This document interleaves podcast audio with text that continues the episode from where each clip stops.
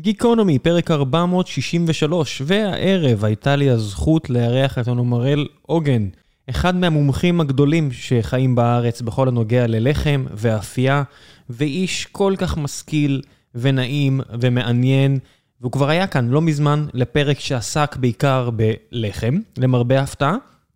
אבל אז גיליתי שהוא כל כך הרבה מעבר לכך, וידעתי שאני חייב להקליט איתו עוד פרק, אז הנה, הקלטנו עוד פרק.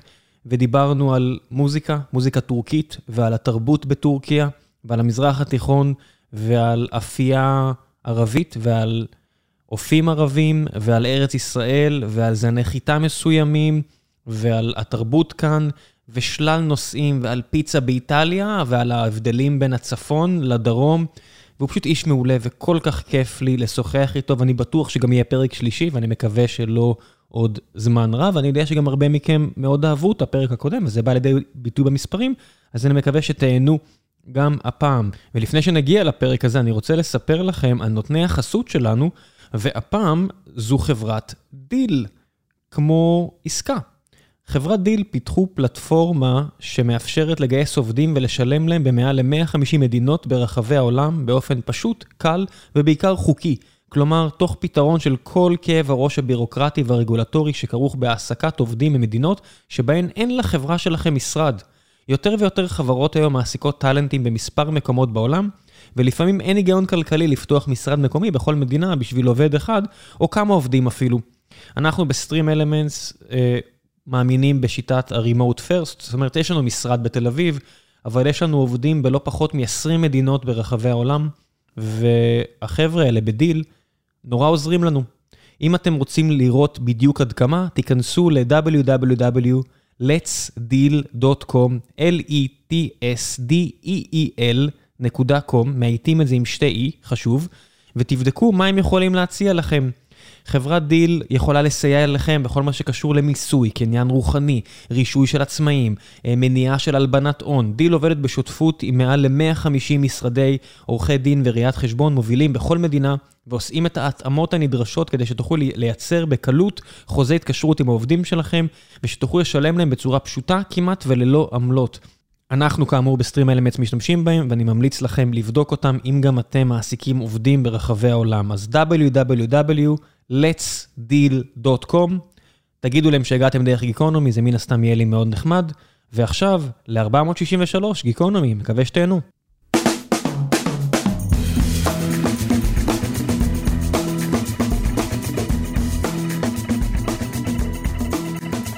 גיקונומי פרק 463, והערב יש לי הזכות לארח את אנומרל עוגן, בפעם השנייה. תודה, תודה. ערב טוב. ערב מצוין. אנחנו צריכים לפתוח על מוזיקה, כי הבאת פה כלי נגינה שלבורותי אני אפילו לא יודע איך להגות אותו, שלא, שלא לדבר על אם תוציא אותו עכשיו מה, מהקייס שלו, מהאריזה שלו, איך הוא יישמע.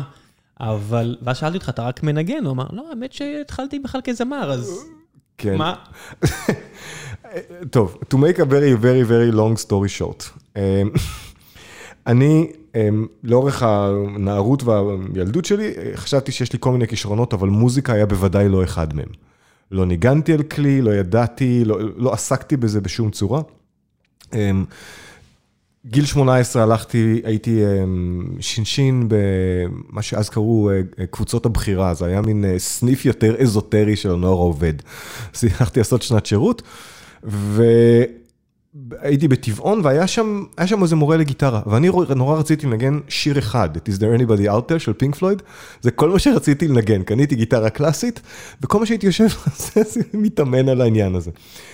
ובאיזשהו שלב נחת לי האסימון שאתה לא צריך, אה, שמוזיקה היא לא הייתה יותר מדי פונקציה של כישרון, הייתה פונקציה של עבודה. זאת אומרת, אם אני אעבוד מספיק קשה, אני אצליח. לא, אולי אני לא אהיה טוב, אבל, אבל זה יעבוד באיזושהי צורה. קיצור, ש, שנה וחצי, משהו יותר, יותר מאוחר, אני נכנס לחנות כלי נגינה בחיפה, כבר לא קיימת, ואני מחפש, חושב, מגבר לגיטרה או משהו כזה, והגיטריסט שיושב שם, אומר לי, תגיד לי, אתה שר? אמרתי לו, לא. למה אתה שואל? הוא אומר, אמ, כי בגלל הקול דיבור שלך. אם אתה יכול לשיר כמו שאתה מדבר, אני רוצה שתשיר, יש לי להקה, אני רוצה שתשיר. וככה מצאתי את עצמי שר שנה וקצת באיזה להקת רוק, קאברים, אתה יודע. הנה סיפור שרמי פורטיס בטוח לא יכול לספר. יש עוד כמה שלא יכולים. הדבר היחיד שנשאר לי מהדבר, מהסיפור הספציפי הזה, זה קעקוע אחד. של בירה נשר. אה, זהו, זה לא של בירה נשר, זה מה קורה כשיש סלון קעקועים ליד איפה שאתה מנגן ואתה נורא שיכור ונורא מסטול תוך כדי חזרה, and it seems like a good idea at the time. אבל זה בירה נשר. אני לא יודע, אני פשוט? אמרתי לו תעשה. אני מבין, אבל הוא עשה לך את הסמל של בירה נשר. יכול להיות, הוא היה רוסי, קשה לי להאמין שהוא ידע שזה בירה נשר. אני מניח שהוא פשוט גר בנשר והוא ראה את הסמל מחוץ משהו, כן, לחלון. יכול להיות, זה נראה לו מגניב, כן? יש- מצב. אתה צריך לעשות לזה חיזוק. לא, לא תעשה לזה חיזוק? לא, לא, אני לא אעשה חיזוק לזה, יש לי כמה. יש לך כמה? ואתה אתה משאיר אותם אה, לתת לפגעי הזמן? הם היו מה שהיה, הם היו מה שהיו, והם, זהו, זה נגמר, אני גם לא המשכתי. אבל גם לא תמחק אותם. לא. יש גיל מסוים שאתה אומר, כבר מאוחר מדי לעשות קעקועים? אמ, בשבילי זה היה מאוחר בשלב מאוד מוקדם, אבל אני לא מוחק חטאים, או אני לא מוחק דברים שעברו. כן, יש את המשפט הזה של קניה ווסט, How can I write my wrongs if it's the same wrongs that help me write my songs. אקזקטלי, אני לפעמים צוחק על זה שאני עשיתי ילדים בגלל קעקועים. כי זאת, זה היה, זה נשמע מוזר, אבל יש, יש היגיון מאחורי השיגעון הזה. זה היה קורס ההכנה שלי לדברים שאי אפשר לקחת אחורה, או לפחות לא בקלות. נכון? לא, אי אפשר. זהו, אז... כל גופה יהודית יודעת, זה לא כזה טריוויאלי. בדיוק, אז... This went dark really really fast. מה- אפשר לעשות? אוקיי, fair enough. אז, אבל כן, אז, זה היה כאילו סוג של הכנה פסיכולוגית, זה היה פחד גדול שלי, לעשות דברים שאי אפשר לקחת אחורה, וזה אחד הדברים, את הראשון עשיתי כמו שהייתי שיכור, אבל את השני כבר עשיתי בכוונה. יש לך ארבעה, לא? כן. אז זה אחד לאחד? יש יחס של אחד לאחד? לא, לא, יש ילד אחד יותר מהקעקועים. טוב, הוא בטח מרגיש שזה כמו, אתה יודע, שנגמרים הסאבים המתים אה, לקרוא על שמם? כן, משהו כזה. כן. טוב, אז מה זה הכלי המוזיקלי הזה? מה, באיזשהו שלב בחיים שלי, אה, כאילו מוזיקה הייתה מין back burner כזה, זה לא היה משהו שעסקתי כן, בו. גדלת אבל בבית מוזיקלי. גדלתי. גדלתי בבית מוזיקלי, אתה יודע, זה, זה צחקנו על זה קודם, הגו- מי, מי שיכיר את זה זה רק מי שמכיר את ארץ ישראל הישנה, מה שמוגדר כארץ ישראל הישנה והטובה, על פי מי שרצה לחיות שם, ומה שמוגדר ככל מיני דברים אחרים על פי מי שלא רצה לחיות שם. כן. אבל האבא החורג שלי, אה, מר עמוס אלוני, הוא היה מין אושייה של הסיפור הזה. חמישיית הגלבוע, מנגן עם נחום מימן, כל ההקלטות של ירום גאון, של ירון גאון, יורם גאון בחליל צד. דברים היסטריים, ניגן בהכתרת הש... השח הפרסי באיראן, בהכתרת נסיך מונאקו כזה, כן? אני גדלתי על מוצרט, על באך, על בטהובן, בעיקר על מוצרט, אני יותר אהבתי על באך, לא חשוב. ו... אבל בגלל השכונה שבה גדלתי, בחדרה, מגיל 10 עד 18, הייתה לי המון חשיפה למוזיקה אחרת. החברים הכי טובים שלי, החבר הכי טוב שלי, היה בית חצי מרוקאי, חצי כורדי. אז החצאי טונים הפכו ל... החצי טונים הפכו לרבעים, והיה דברים שנטמעו, ככה מאחורה, זה לא, זה לא משהו שחשבתי עליו. על קלטות של זוהר. אה, על. קלטות של, אה, על כן, על כל המוזיקה, מה שקראו שירי דיכאון של שנות ה-90, שזה היה בעצם, אה, אבי ביטר וחבריו. בדיוק, אבל זה היה ורסיה של שירים טורקיים, הם תרגמו, היה כאן שלושה מוזיקאים שעשו את הדבר הזה בארץ, והם תרגמו שיר, שירים של איברהים תתליסס ושל אורחן גנג'באי, ושל אה, כל הדור, דור הזהב של הערבסק הטורקי. שזה הגוורדיה נגד שנות ה-80, שהייתה מוזיקה יוונית יותר. בדיוק, אז הם, הם לקחו את הדבר הזה, זה שלושה מוזיקאים, שלושה גולים שהגיעו לארץ שעשו את זה. אה, אמיר שעשר, נגן הנאי, אה, מוסטפא, נגן הבגלמה, אבא של אה, מוג'דה, ילדת הפלא, ומוזיקאי טורקי בשם מומין ססלר. אני, אתה מבין, אני, בשנות ה-90 הכרתי ילד פלא אחד, וזה שריף, בסבוסה. לא, אז מוג'דה, נו, אל נא טיילת על המדרכה, כן. אני לא מאמין שלשריף היה מתחרה. anyway, הם, הם הקימו את הדבר הזה, זה, אתה יודע, זה היה ברקע, ואחד הכלים שישבו שם, ואתה יודע, זה יושב לך בתת מודע איפשהו, זה זה. בפועל, זה אחת הוורסיות המודרניות של כלי המיתר העתיק ביותר שאנחנו מכירים. אתה יודע, לקחו אה, אה, דלעת מעורכת, שמו עליה ענף, התחילו למתוח מיתרים. יש אנשים שהעמידו אותם וניגנו עם קשת, יש שהעמידו, על הצד ופרטו עם אצבעות, זה היסוד של הרבה כלים. היום זה משוייך בעיקר לטורקיה. הם קוראים לזה סאז בשם מאוד כללי, שזו מילה פרסית שמשמעותה כלי נגינה, בעלמה, על כל מיני ורסיות שלה. טורקיה זה מקשה אחת? לא, טורקיה זה לא מקשה אחת. טורקיה של אה, מוסטפא כמאל אטאטורק זה ניסיון להפוך כמה קבוצות אתניות ולהיפטר מכמה אחרות על הדרך למקשה אחת. אחת לא ספציפית, פחות או יותר. אה, אז כן, וזה גם לא כל כך הלך, בסופו של דבר, כי אנחנו רואים את זה היום, הם די חוזרים חזרה במובנים כן, מסוימים. כורדים, ארמנים. אה, אה, ארמנים פחות אין שהם הם גורשו, כמו כל הנוצרים. יש את כל חילופי האוכלוסין בשנות ה-20. שלחו אותם למות לפה בגדול. מי אה, שהצליח להגיע, הגיע, כן, ומי שלא כן. מת בדרך. ויש את כל היוונים שהם עשו חילופי אוכלוסין. פשוט החליפו שם, אה, החליפו שם תרבויות, זה היה איום ונורא. סיפורים שם.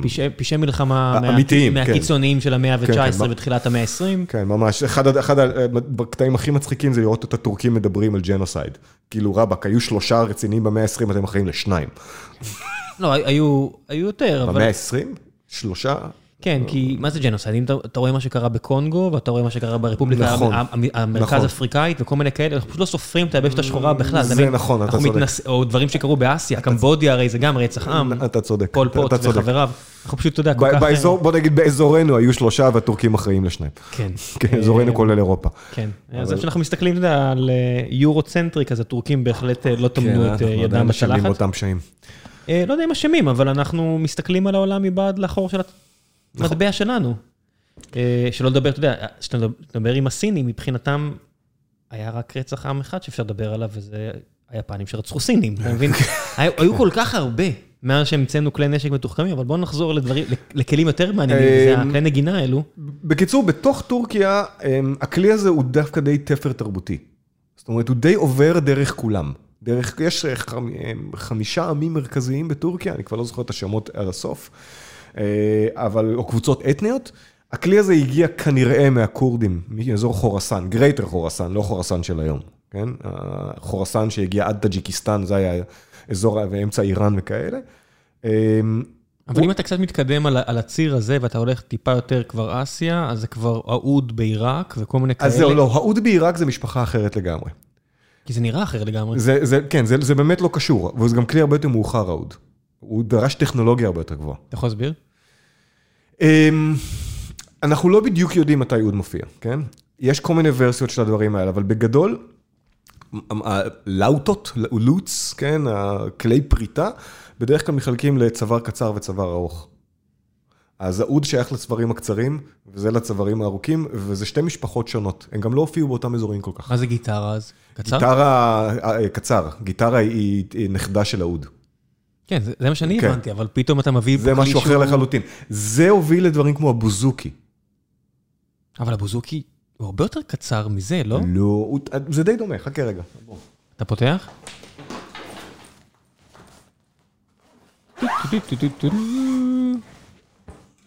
אוקיי, זה אוקיי, זה בכלל לא מה נכון, זה- שחשבתי. בדיוק, זה הרבה יותר קרוב לבוזוקי באיך שזה נראה, נכון? איזה כלי יפה. גם ספציפית הכלי הזה זה משהו יוצא דופן, אבל אין לו תיבת תעודה. יש לו תיבת תעודה. איפה? אתה או. מחפש את החור. כן. אבל זה אה, אשליה ידועה, לא צריך חור בשביל להשמיע צליל.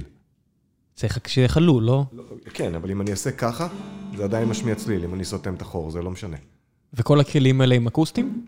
אה, לא, יש היום גם ורסיה חשמלית שהיא מאוד משעשעת, ורוב מה שאנחנו שומעים, בארץ יש מושג שנקרא נגן בגלמה, אוקיי? נגן בגלמה הוא הוורסיה הערסית, quote unquote, לא, זה, לא, זה מושג לא נכון, אבל הוא כאילו הוורסיה של, הנגן, של המוזיקה המזרחית, של הנגן שעומד על הבמה ונותן את ה... את ה כמו שהם אוהבים להגיד, טנג טנג טנג טנג טנג טנג טנג, אז זה, כן? אז זה זה, אתה כן? מבין שמה שאמרת הולך מוונילה אייס ל... ל- אתה יודע, לקווין, ל... ל- אמת, לחפלה באשדוד. אז אם אתה תשמע, כאילו, יש, אתה תראה על במות, וזה היום תראה אותם, אני יש- מכיר, מכיר את הנגנים, כן? זה הופעות של עדן בזקן, וזה הופעות של אה, אה, אייל, וזה, כול, אתה יודע, אתה תראה שם בצד, יושב אחד, הוא בדרך כלל מנגן גם על גיטרות, אבל יש לו גם אחד כזה, בדרך כלל עם שני פיקאפים של דימרציו פה, כמו גיטרה חשמלית, וזה כאילו, זה הבגלמה החשמלית, זה כלי שהומצא באמצע שנות ה-80 בטורקיה. אה, כמה זה שונה מלנגן על גיטרה? אה, לא דומה. זאת אומרת, נגן גיטרה איכותי, ייקח לו הרבה זמן לקלוט את הדקויות של הכלי נגן הזה? גיטרה איכותי ייצור את אחת הבעיות הכי גדולות על הכלי הזה. הוא ינגן מאוד טוב, אבל מאוד לא הכלי הזה. מה זה אומר? זאת אומרת, אמ, בגלל שיש לו זריזות אצבעות ומיומנות גבוהה, הוא יוכל לנגן מהר, הוא ינגן מדויק, הוא זה, אבל הסאונד הספציפי של הכלי הזה, יהיה לו מאוד מאוד קשה להוציא אותו, כמו שהוא נשמע במקור, בגלל שהוא דורש אמ, דברים שהם כמעט הפוכים מגיטרה, בתפיסת עולם שלהם.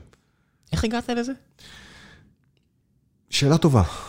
ראיתי מישהו מנגן, אה, משהו תפס, בעין, לא, אפילו לא בצליל. אה, כבר היה לי קצת כניסה לתוך המזרח דרך פלמנקו, אז חי... והיה משהו בפלמנקו שחיפשתי, איזשהו צליל ספציפי, איזו תנועה מלודית שחיפשתי. משהו בצורה של הכלי, אני לא יודע בדיוק, הלכתי וחיפשתי, נסעתי לירושלים, הייתה חנות, אה, מין חנות ניו אייג' סטייל, אתה יודע, מוזיקה כזה. מוזיקת עולם. מוזיקת עולם, בדיוק ככה קראו לזה אז, כן, בדיוק. אין דבר יותר מעליב מ-the rest of the world. לא, לא, זה ממש. לא אנחנו, אתם. ופשוט דפדפתי שם על דיסקים עד שמצאתי אחד שמחזיק את הכלי הזה. בטעות או שלא בטעות עליתי על אחד מגדולי המאסטרים של הכלי הזה, זהו עד היום, הנגן שכאילו אני... אתה יודע, מלווה אותי כבר 20 ומשהו שנה. שהם כולם טורקים? הם כולם טורקים.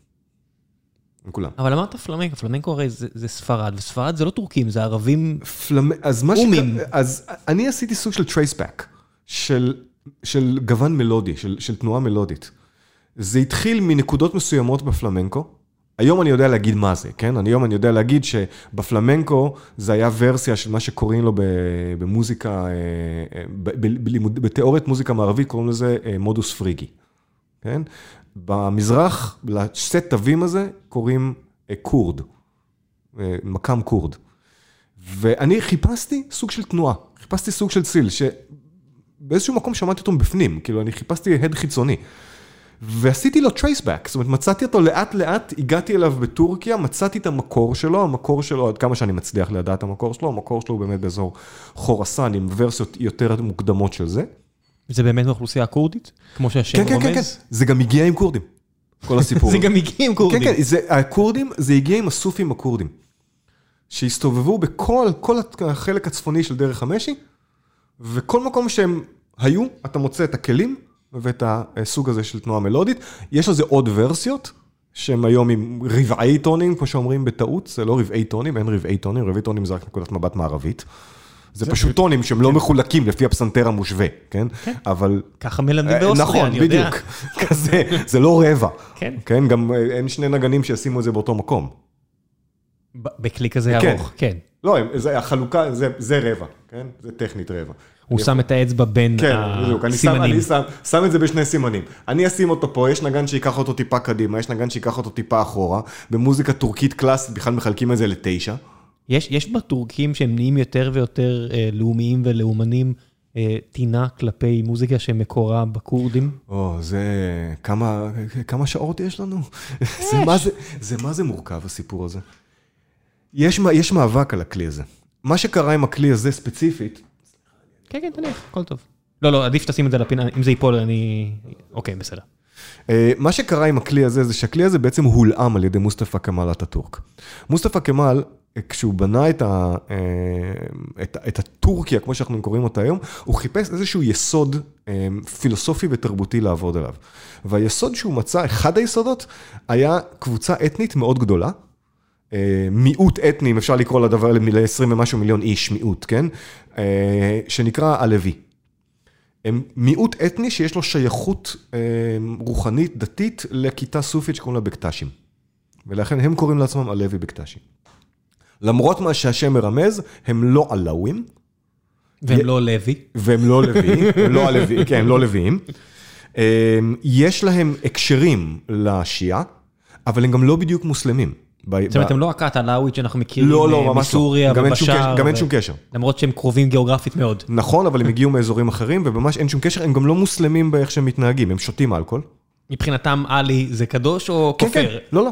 מבחינת, הם, אה, חק מוחמד עלי זה אחד היסודות שלהם, כן? שהאימאם הוא עלי. אה, כן, יש שילוש בין האמת, חק, למוחמד סלאללה עליהו וסלאם, לבין עלי. כן. כן?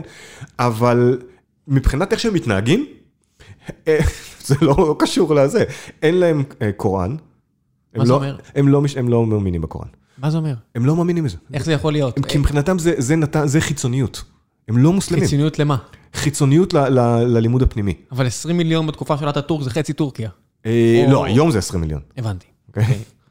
זה היום מתוך טורקיה. 80, כן, זה רבע, כן, זה רבע כן. טורקיה, כן. באיסטנבול לבד יש משהו באזור חמישה מיליון. הם מגדירים את עצמם מוסלמים? לא, רבע מטורקיה הם לא מוסלמים? לא. השפה היא מוסלמית? מה זה מוסלמית? ערבית? לא, השפה היא מוסלמית מבחינה תרבותית. זאת אומרת, מוח- לה- להגיד מוחמד ועלי ו- ו- ושריה וזה, זה, זה שפה שהיא שפה מוסלמית. התרבות היא מוסלמית? בחלקה. מתפללים? אה, כן, אבל לא כמו מוסלמים, ולא במסגד. ו- מבחינתם מכה, מדינה וירושלים לא. קדושות? לא. אז מה כן? אה, אין, אין להם עיר ספציפית שהיא קדושה, הם מתפללים באזורים, במקומות שלהם, בטקה שלהם. אה, הם שותים, אה, הם לא, הם לא צמים רמדאן. יש חזיר? מה? לא. אין כי? חסר. כי, כי בוא לא נגזים. כן, כי עד פה, כי. כן, בוא לא נגזים. כן. הם, מלאים את הילדים? כן. זה pick and choose די... אה, זה, יותר סינקרטי.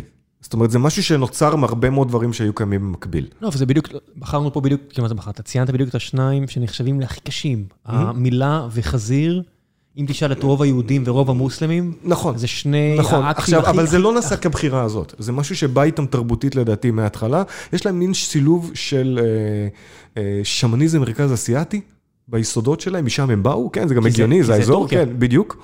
כן. אה, עם סוג של תוספות מסופיות אה, צפון איראנית ולקה של אסלאם כדי שלא ישחטו אותם, מה שלא תמיד עזר.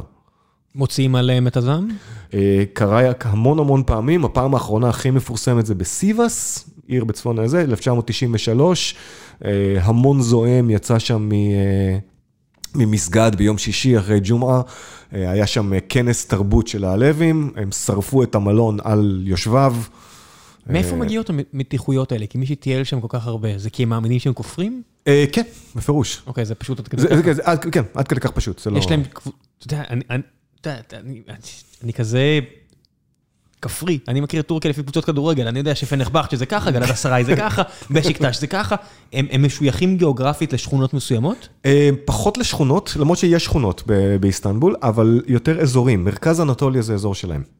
אוקיי, little, little, little, little, כאילו טורקיה הקטנה. כן, האמצע, כל, האז, כל האזור של קפדוקיה וצפונה, אז... אה, נב, קרוב אה. אה, כן, נב שהיר והאג'י בקטש, זה הכפר שקדוש להם, האג'י בקטש ואלי, כאילו היה מייסד של הכת הסופית שהם סינפו את עצמם אליה באיזשהו שלב, סיבאס זה עיר שלהם, יש חתונות בין העדות? לא, אז, אז רבע טורקיה מתחתנת רק בינה לבין עצמה? פלוס מינוס, כן. זאת אומרת, תשמע, ברור שיש בשוליים. אבל, כמו בכל אה, מקום. אבל- כן, אבל לא, בעיקר לא. כאילו, כמו אצל, כמו אצל אימא יהודייה שתרים גבה נכון, על... בדיוק, נכון. עכשיו, הקטע אצלם זה שתרבותית יש להם דברים מאוד שונים, וזה מה שהטאטורק אהב. א', הם, הם יחסית שוויוניים בין גברים לנשים, הם תמיד רצו שהנשים שלהם ילמדו, הם תמיד נתנו לנשים זכויות כמו לגברים. כמו כורדים. הם כורדים במקור, הם הגיעו משם. אבל הכורדים לא הם. אה, הכורדים זה אחד החלקים, זאת אומרת, אתה, החלק הזה, התרבות מתפרסת לאורך כל המרחב שם. רגע, אבל הכורדים כורדים הם מוסלמים, או שגם לא. לא בדיוק, זאת הבעיה, למה הם נשחטים? היזדים זה בדיוק הסיפור. כי יש להם את אותה תערובת של שמניזם ואיסלאם וכל מיני, זה, זה, זה תמהיל טיפה שונה. ואז הסונים בעיראק לא בא להם טוב, והשיעים באיראן לא בא להם לא טוב, בא להם טוב, בדיוק, הם, הם, כולם, הם נשחטים על ידי כולם. כי הם לא באים בעין טוב לאף אחד. ומופקרים על ידי כולם גם. אבל מה שקרה בטורקיה זה שבגלל שאלטאטורק חילן את המדינה, הוא היה צריך מישהו חילוני. בדיוק, והם יודעים להיות חילונים, הדת, הדת שלהם היא קצת כמו המשפט שמייחסים לפעמים, אני לא זוכר למי, אתה, אתה אולי תזכור יותר, אה, היה יהודי בביתך, יהודי בביתך וחילון, ואדם בצאתך, כן. זה, פעם יש- בטוח, אלפי, באמת, כי אני יודע שיש לי הרבה מאזינים דתיים, עכשיו הם כולם מכים את המקלט, או את הטלפון. לא, זה ונורא, יודע זה. משפט איום ונורא, דרך אגב, הוא מחריד בעיניי, אבל יש אצלם כן. משהו תרבותית, הם תמיד לקחו את הדת פנימה, ותרבותית החוצה, הם אמרו פה. יש להם כל מיני מגבלות, נניח, הם מאוד מסורתיים בחתונות, הם לא מתגרשים, כמו קתולים כזה? כן. אסור להתגרש? אסור להתגרש, כן? אבל יש להם כל מיני דברים מטורפים, שנניח כל זוג שמתחתן, יש לו עוד זוג שמוצמד אליו, שהוא זוג מבוגר ממנו, שמלווה אותו, והם חברי נפש לשאר ימי חייהם, כדי שיהיה להם עם מי להתייעץ על חיי נישואים. זה כל מיני דברים... והם לא משפחה. מה? לא, לא. אה, יש להם סלבריטיז? אה, רוב המוזיקה הם הטורקים. זה מה שרציתי כן, אז זה בדיוק. העניין. המוזיקה הזאת עיקרה, לא, אתה יודע, זה לא הכל, יש גם חלקים לזה, אבל זה בא איתם. והטאטורק, בגלל שהוא לקח מהם את כל החלקים התרבותיים האלה, ניסה להפוך את הכלי הזה לכלי הלאומי של טורקיה. הוא רצה שינגנו עליו הכל. והיה כל מיני בלאגנים עם הסיפור הזה, וזה גם יצר בסופו של דבר שני מחנות. הלווים צועקים חמאס, ניכוס תרבותי, היום, כן? גנבו לנו את הכלי. ואז הצד השני זה הצד המאוד אוניברסיטאי, אנקרה, איסטנבול טכניקול יוניברסיטי וכל מיני כאלה, שאומרים חברים, זה כלי טורקי, לא הלוי, אתם לא- כן? אתם לא מתבלבלים, כי הם שניהם צודקים. נכון, זה, שני, זה שניהם נכונים. עכשיו, מצד, אבל הם כמובן לא מוכנים להכיר אחד בשני. ואז יש, יש קרב שלם על תרא-תן נניח. התחנה, אז יש ערוצים שהעלווים שולטים, ויש, זה ממש, זה היסטרי הדבר הזה. איך- הם עם אה, רג'יפ? רג'יפ הוא סיפור מוזר. אה, רג'יפ, אחד הדברים שאני גיליתי לגבי אה, ארדואן, זה שארדואן גדל בבית סופי, ספציפי, של כת אחת ספציפית שנקראת נקשבנדים. אחת הכתות היותר כיתות, צריך להגיד. למה אתה לא קורא כתות. לזה כיתות? כי זה כיתות, כי זה תרגום, זה טריקה, זה דרך. לא, אבל cult זה לא, בסופו של דבר... אה, אה, אה, אה, קאטה זה מלשון קאטה. לא, לא, לא, זה ביטוי לא נכון, זה כיתות, לא כתות. אה, כיתה. כיתות, כן. classes. כן, classes, אבל זה אוקיי. יותר, אין תרגום, זה דרך, זה טריקה. הבנתי, הבנתי, הבנתי. אוקיי, אז זה- זה אוקיי. פשוט אחד הדרכים של האסלאם. כן, של האסלאם הסופי, כן? והנקשבנדים הם, ה, הם, איך להגיד, הם החבדניקים של האסלאם הסופי. כן, הוא איש דתי. אה, הוא, כן, והם מאוד מאוד מקפידים. מצד שני, איכשהו, למרות שהוא רב איתם כאילו בזה, הוא, הוא נותן להם הרבה מקום. למה? בת, אני לא יודע. והם מצביעים לו? לא, הם שונאים אותו שנאת מוות. כשאתה הולך ביניהם, הוא נתפס... שונאים אותו שנאת? מוות. למה? כי הוא אה, מוסלמי סוני קיצוני מבחינתם, והמוסלמים הסונים הקיצוניים מבחינתם נוטים פעם בכמה זמן לשרוף להם בית מלון עם כל מיני אנשים בפנים. אז זה- בסוף מגיע לאלימות. זה מגיע לאלימות. אבל זה לא שהם מסתכלים בו בתור זר או אחר. לא, לא, לא, לא. אם הוא היה טוב אליהם, הכל היה בסדר. אה, אני מניח, גם יש, יש להם נציגים בפרלמנט. אחת הזמרות הכי מפורסמות של התחום הזה היא גם חברת פרלמנט טורקית. מה לגבי קולינריה? הקירז. אמ, הם כולם אוכלים אוכל טורקי? כן, זה, האוכל הטורקי הוא, הוא מאוד רג'יונלי, הוא אזורי. אז, אז אזורים של הלווים, יש, יש כמה דברים שהם קצת יותר ספציפיים, או, סליחה, קצת יותר ספציפיים, כמו אה, אשורה, שזה משהו שהוא מאוד, אה, זה מאכל שהוא מאוד מאוד קשור ל... אה, עלאווים, או כאילו לשיעה וכאלה, אז הלווים אוכלים אותו יותר. יש, יש מאפיינים... יש להם רמדאן? מה? לא. להם- אין להם גם רמדאן. אין להם רמדאן. הם לא מקיימים אף אחד מה- מה- מהחמשת הבסיסים. כאילו, תפילה, סלט, אבל, אבל לא כמו שהמוסלמים מתפללים, ובטח לא לכיוון מכה, ובטח לא חמש פעמים ביום. לחמים? כי הרי לחמים אמ, טורקיים, אותו דבר, לא, לא, לא היה איזה, לא, לא ראיתי. בוריקים, אתה יודע, מטבח טורקי זה כזה... אז- אז- טעים, אה, טוב. נ- נ- זה, זה המטבח הכי, הכי טוב בעולם בעיניי. גם גם אני מאוד אוהב מטבח טורקי, אבל לא יכול להיות שזה מקשה אחת, אתה לא מגיע לאזור לא, כזה. לא, זה לא מקשה אחת, אבל זה לא עניין של מקשה אה, תרבותית, זה מקשה אזורית. כן. הבנתי. אז אתה יודע, היה לי, יש אה, מסעדה שנקראת אה, צ'יה, צ'יה סופרסה. אחת ה-100 best ב- בעולם, והופיעה ב Chef's Table באחד אוקיי. הפרקים, לא משנה. זה זה באיסטנבול, אני מניח. זה באיסטנבול, בחלק, בחלק האסייתי, הלכתי לאכול שם עם אשתי. עכשיו, מצד אחד, אתה יודע, אתה מקבל ספקטרום מטורף של קולינריה. הכל, כאילו כל האזורים, מצד שני, לא היה שם דבר אחד שאכל, שלא אכלתי יותר טוב באזורים אחרים. איך זה יכול להיות? כי חומוס, צ'י- חומוס צ'יפס, סטייק, סלט, סושי, גלידה.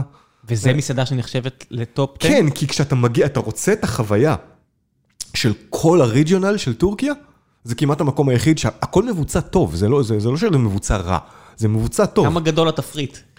מה זה, 40 מנות בתפריט? מה אה, זה הדבר? יותר, לדעתי, כן. ואני לא מה זוכר... חומרי גלם בעצם? המון, זה, בטורקיה יש המון. אתה יודע, אחד הדברים שלמדתי במטבח שם, וזה הדבר הכי מדהים בעיניי, זה משתמשים במעט מאוד מלח. כי אין להם מה להסתיר, כי יש להם מספיק טעמים? הם מפתחים, בדיוק, הם מפתחים את הטעמים מתוך איכות מאוד מאוד גבוהה של ירקות ופירות, מתוך מיצויים, אולי הדבר הכי נפלא שלהם, או אחד הנפלאים, אה, ביבר סלג'סה, שזה מחית פלפלים. אז הכנתי את זה פעמיים בחיים שלי, זה עבודת פרך, כן? אתה יודע, זה ארגז של פלפלים שנגמר בצנצנת וחצי. כן, זה כמו כל המרוקאים שהגיעו לקליפורניה ואומרים, למה העגבניות פה כאלה יקרות? כי כן. אתה יודע. כן, אבל כפית מהדבר הזה, ואתה לא צריך מלח בתבשיל, או מעט מאוד. ואני זוכר מתי נפנה לי האסימון, אכלתי במסעדה עם אשתי, במסעדה שנקראת אה, אנטיוכיה, שכשמה כן היא, כן, לא היה, לא היה הרבה דמיון, זה מטבח אנטיוכי, כן? אה, ואיפשהו באמצע ארוחה של תשע מנות, ארוחה של תשע מנות במסעדה שמוגשת ברמה של משלן, כן? שאתה משלם אז אני מניח שתשע 150 מנות- שקל. אני מניח שזה פשוט מנות קטנות. כן, ארוחת טעימות. ארוחה אה, ארוחה פל- כאילו פנסי. כן, לא, מסעדה פנסי בזה, הזמנות מראש וכאלה, והכל אה, שירות מאוד מעונה, והכל מוגש לשולחן, ומוצרים וזה. גם בסיני אצל החבר'ה עם השיניים השחורות מאופיום, אתה צריך להזמין מראש, אחרת זה לא מגיע. אוכל מדהים, באמצע הארוחה אני אומר לאשתי, תקשיבי, אני פתאום נפל לי האסימון, אין מלח. אין על השולחן? אין על השולחן, תראה, גם במרוקו אין, כן? במרוקו אתה תקבל אה, כמון במקום מלח. אבל זה, הרי המלח הגיע מש- מ- משימור, הוא לא הגיע בשביל טעם, הרי היסטורית, נכון? נכון, ולכן אה, אין להם סיבה. כי, לא- כי הכל היה טרי והיה להם או אדמה שהם, טובה. או שהם הפיקו מספיק טעמים מדברים אחרים. יש מספיק עומק בחומרי גלם, ומספיק עומק בשיטות ההפקה של החומרי גלם, שכמעט ואין. מה הגיע למשל חדש? זאת אומרת, אם- אנחנו מסתכלים על עגבניות וכל מיני כאלה, הרי זה לא משהו שהוא אלפי שנים, זה משהו שהוא יחסית חדש. מה, מה שם... אומרת, אני, לא- מסתכל, אני רואה מטבח נגיד אה, פה, אה, ערבי פלסטיני או לבנוני והכל, אתה ממש יכול לראות מה התווסף לאחרונה ומה אתה יכול לנחש שפה כבר מאות שנים אוכלים. לפי זו שאלה טובה, אני לא יכול לענות על זה. א', אני, אני מודה שזה, אתה יודע, יש אנשים שיודעים הרבה יותר ממני. כי זה- מבחינת לחמים, הרי הם הביאו את הקפה ואת הקרואסונים לאירופה. הם הביאו את זה לאוסטרים, כמו שדיברנו פעם שעברה, נכון. עם המצור על וינה. אז זה, זה טורקי אסלי אלף שנה, לא יודע כמה, המון שנים, נכון. זה אצלהם. נכון. מה הם לקחו בחזרה? אמ, לא הרבה. כמו שהם לא לקחו הרבה מוזיקה בהרבה מובנ- בהרבה מובנים. זאת אומרת, הם, הם, המשיב, הטורקים מאוד מאוד גאים בתרבות שלהם. יש סיפור מאוד מפורסם על, אמ, יש כמה, יש אחד או שניים שיאזינו ואני אחטוף על הראש על זה, אני לא אדייק בתאריך, אבל אני לא אדייק בתאריך. אני לא זוכר אם זה היה 1933 או 1934, הייתה ועידה גדולה, ועידת פן ערבית למוזיקה, אוקיי? הזמינו את כולם, מי לא הגיע? הטורקים. זה מתחת לכבודם. כי הם לא חלק מהעולם הערבי. הם לא, זה, זה לא רק שאני לא חלק העולם הערבי, הם לא מוכנים להיות שם, מבחינתם זה התרבות שלהם, של הזרים, כן? עד היום, כאילו יש מושגים... הפרסים כן נגיד ילכו לדבר כזה? הפרסים לדעתי לא הוזמנו, אבל אל תתפוס אותי במילה. אה, יש שם כל מיני אנקדוטות מעניינות, כמו העובדה שהמשלחת הכי חשובה הייתה המשלחת העיראקית, שאם אני זוכר נכון, 12 מתוך 13 חבריה היהודים. אה, אבל הטורקים פשוט לא ראו את עצמם שייכים לסיפור הזה. ולכן, גם מבחינה תרבותית, הם לוקחים מעט מאוד מבחוץ, מצד אחד. מצד שני, הרבה מהמטבח שלהם, אתה רואה אותו על כל המטבח השאמי, המטבח של סוריה הגדולה. חלק, כי הם שלטו בזה, זה כמו אה, כן. שמדברים על אוכל בולגרי אבל לא זה, זה ורומני, גם- זה כי הטורקים היו שם. זה גם בגלל שהם ייבאו אה, טבחים משם. כן, אה, כן. כמו, החיילים שלהם הם יבואו, הם את המטבח כן. הם יבואו, כי הם שלטו על כל אז האזור הזה. מהבחינה הזאת, זה, הקרוס הזה, אבל הדבר היחיד שראיתי שנכנס לטורקיה כדברים שהם פופולריים, אתה לא רואה, תשמע, אוכל הרחוב הטורקי הוא עדיין אוכל רחוב טורקי. יש נקניקים? המון. שלהם. הם לא דומים לכלום. אני לא- אני לא הייתי... אני, לא- הלוואי והי... אני... מישהו אמר לי שבחינאווי הם עושים איזה ורסיה לא רעה של זה. אבל אה, הם, יש כן, וזה לא דומה לשום דבר שאתה מכיר. בעיניי, אתה יודע מה אולי, מה, יצא לך אולי, ואולי אתה יכול לנסות לחפש? אה, בסטורמה. המקור המילולי של המילה, פסטרמה, כן? אבל אה, זה בשר כבוש, בדרך כלל אה, אה, אה, בקר, טורקי. הדבר הזה, יש, יש לו כמעט יותר מדי טעם. כן, בדרך כלל נקניקים טובים זה כן, ככה. אתה פשוט, אתה, יודע, אתה, זה ברמה של פרוסות בעובי של שקוף, אתה יכול לראות דרך. וזה שתי פרוסות הזה, והפה שלך כאילו קצת לא יודע מה לעשות עם המידע, יש פשוט יותר מדי. יש דבר כזה, אם אנחנו חוזרים ללחם אצל הטורקים, כי, כי הכל אצל הטורקים נורא בומבסטי מבחינת טעמים, יש להם את המקבילה לפשוט לחם נקי, או שהכל ממולא, הכל לא, לא, מתובל? כן, בטח, בטח, פידה. מה עושים איתו? תראה, יש, יש את הלחם, וזה דרך אגב משהו שהם כן לקחו מהמערב, לצערי, אם, אם, למה, מכל מה שלקחתם מהמערב, למה דווקא את זה? כי זה הכי זול ופשוט? אה, הם לקחו את שיטות ההכנה, או חלק משיטות ההכנה של הלחם המודרני, הם יישמו את זה בוורסיה שלהם, אה, וזה מה שהאקמק שאתה קונה ברחוב בטורקיה, או במאפיות בטורקיה, שהוא נראה כמו מין לחם צרפתי מאורך כזה, ויש לו טעם של קרטון ביצוע בעיניי. אה, איך יכול להיות שזה תפס? כי זה היה זול ומהיר להכין את זה. זה פשוט אנשים שאין להם כסף קנו. אה, כן, היה- ואתה יודע, תיעוש וזה. זה כאילו- טעים להם? שאלה טובה. הם... אם אתה גדל על משהו, זה כן, זה- בדיוק. זה נהיה טעים. זה, זה, זה הנוסטלגיה שלנו ללחם לבן ולחם שחור וכאלה, האם זה באמת טעים? אני לא בטוח. אבל אתה יודע, לא, אבל בגלל- גדלת. בגלל אנשים כמוך זהו, נגמר. אה, כן, בדיוק, אבל נוסטלגיה. לא, אבל יש להם פיתות, או, או ורסיות, כל מיני ורסיות של לחמים שטוחים. אה, עם דברים, בלי דברים, אבל בגדול, אתה יודע, תחת אותו מושג מילולי, גם פידה, כן? אה, ואחר כך יש כל מה שיושב על הפידה. יש גם דברים שהם מאוד ריג'יונליים, אתה כן יכול למצוא בזה, יש, יש להם שימוש בדגנים עתיקים שנמצא בעיקר באזור הים השחור. אה, פחות ללחם, אבל גם ללחם. איינקורן, שדיברנו עליו פעם שעברה, הגרעין כן. אז באמת, הראשון. לשאול אותך- מגדלים בצפון, בצפון טורקיה. את הלחמים. שלהם, זה דורום? לא, זה מה שגדל, בטורקיה דווקא גדלה חיטה רכה מאוד טוב. למרות המקור שלה, אז היום הרבה מה... הוא כאילו, מה שאני מוצא בטורקיה הוא מודרני. אבל זה קרה בכל העולם. כי זה... פשוט- כן, כי- זה זול וקל לגדל ונוח, וכן, זה... אמ, אתה מרגיש בבית שם? כן. בגלל השפה? אמ, נשמע שאתה אוהב את השפה הזאת. אני מאוד אוהב את השפה, יש משהו, פעם ראשונה שהגעתי לטורקיה, זה היה אחת, אתה יודע, יש את הרגעים שאתה מגיע לתרבות שאתה מבין אינטואיטיבית, אתה מבין אותה אוטומטית, והתקשורת שלי איתם הייתה כזאת, הבנ- הבנתי אותם. אמ, ישבתי שם, ב... ישבתי ושתיתי קפה שם בבית קפה במרמרה. כאילו בזמן שהיה, בזמן שהמרמרה הייתה בדרך לארץ, ישבתי, שתיתי קפה בזמן שהיה הפגנות של איטבח אל יהוד באיסטיקלל ג'דסי, כן? עברו לי על הפנים. לא הבנתי, המרמרה הספינה, כן, המרמרה כן, הספינה, הים. הספינה, אה. כן, כן. כל סיפור ספינת המרמרה וה... זה היה הפגנות ענק בטורקיה נגד ישראל. אני הייתי, הייתי באיסטנבול באותה, באותה נקודת זמן, ישבתי שם, עברו לי... הורדת פרופיל? אמ, לא ממש. שומעים על המבטא שלך שאתה... אני לא מדבר, אני לא דובר טורקית, חמודי. ואתה מדבר כל כך יפה שאתה אומר פה אתה... אני אני יודע, אני יודע להגות את המילים נכון. אתה ואני, לא- ואני לא, אני יותר מבין לפעמים לא רע, לפעמים פחות, הרבה פעמים, יותר פחות מזה, אז זה מה גם... אתה... מ- אנגלית? כן. ו... ולא שואלים? הם, הם שואלים, אבל הם, אתה יודע, אפשר גם להסתדר. ומוזיקה כולם מדברים.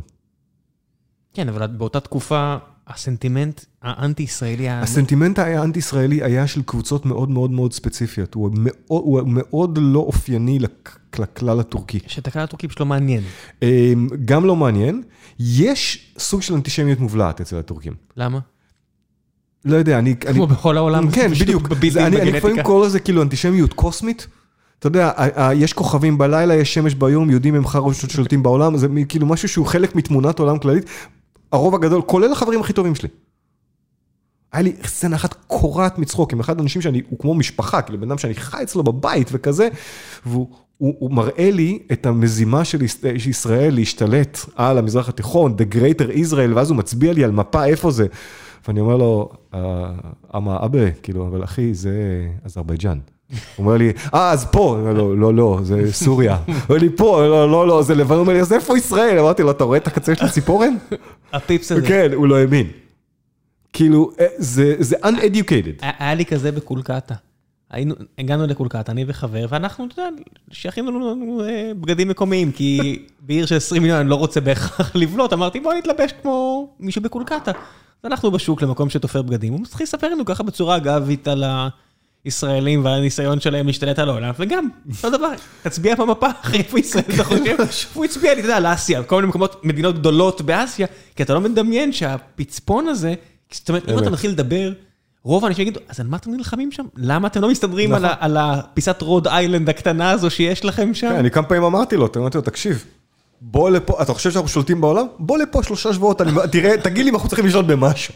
כן? כן, אנחנו לא שולטים בצרכים שלנו בקושי, כולם פה משלשלים מהפה. בוא'נה, תפתח את המתנות שלך. כן, הבאת לי שקית של, אה, של דברים טובים, והדבר הראשון שאני רואה פה מולי, אה, אני לא יודע אפילו, זה נראה כמו סולת. לא, לא. אני לא פותח את זה. אתה לא פותח? אני מביא לאשתי, אשתי, אוקיי. בגלל שאין לה את ה... את הז- אז תראה, אמ, אני לא יודע, מה חוקי הפרסומת כאן אצלך? אין לי טיפה של רגולציה, ולא אכפת. לי מאף אחד. הבנתי. אה, יש לי חבר שקוראים לו כאמל השלמון. אה, כאמל היה אחד מהדור החדש הזה של השפים הערבים. אה, יש עוד כמה כאלה, חבר'ה שמחדשי מטבח ערבי מודרני. אולי אה, כמה מהטובים בהם הם חבר'ה כמו עומר אילואן. איך קוראים לבחור במסעדה בכנרת? אתה יודע מי מדבר? אה, לא, לא בשלוף. ממש על הכנרת, אה, מגדלנה נראה לי קוראים למ- למקום. אני, יודע על מה אתה מדבר, אבל לא זוכר את השם. אם הוא עדיין קיים, פשוט הרבה שנים לא הייתי שם, אתם חייבים ללכת, זה מקום מושלם, אה, גם עושים שם אירועים, וישבנו פעם והיה ריק, והוא שאל אם הוא יכול להצטרף אלינו, פשוט יכל להידבר איתו, והוא סיפר שהוא למד אצל סבתא שלו, ואז הוא נסע ללמוד באיטליה או משהו, והוא חזר עם בורטה וכאלה, ואז סבתא שלו אמרה זה לא טוב. היא טועה. זה טוב, השילוב שעשית פה זה מעולה, אז כן, זה השילוב הזה של בית עם... כן. וזה באמת הסיפור של הרבה מהם. אז, אז... אמ? כאמל היה, היה לו, היה שף של מסעדה שקוראים לו טורקואז במזרח ירושלים. ומסעדה שמאוד הצליחה, קיבלה ביקורות מאוד טובות, ואז אחת האינתיפאדות וכאלה, והכל נסגר וכאלה. ואז בעטנו בדילי הזה שוב. ואז, כן, הוא החליט, כמו לא מעט, אה, זה, הוא גם היה, אני חושב שהוא היה סו, סו שף שבמול ים, וכאלה, כאילו הכשרה, אתה יודע, מכל הכיוונים. אמ, והוא החליט שהוא עושה טחינה, הוא הולך לעשות טחינה. זה מה שזה? סומסום? לא. אז זה, בחנות שלו, כל- השאר מה שאתה תראה שם זה טחינה, כן? זה טחין, לא, חכה. זה טחינות, וטחינות וחלבות. איזה כיף. כן, חלבות, חלבות ככה לטעימות וזה. אז הוא הלך ללמוד, הוא למד בטורקיה ולמד את זה, והל- והלך כאילו, נסע, אתה יודע, למד ב, ב, ב, במקורות שלו וזה, ועשה מחקר מאוד מאוד רציני, שף עם הכשרה, הבין איך לעשות את זה, ופתח חנות באברוש. אמ, והוא הוא מייצר שם. את הטחינה, זה הכל טחינת ריחיים, טחינת ריחיים מההתחלה ועד הסוף. הטחינה הכי מדהימה, ואני מצטער, אני, אתה תיאלץ לטעום אותה עכשיו, אני לא מאפשר לך, לא? תמצא שם את האדומה. כתומה כזאת? לא, זאת המלאה. זאת שאתה לא מזהה את הצבע שלה. אמת, אוקיי? פשוט תטעם את הדבר הזה, אתה תבין לבד.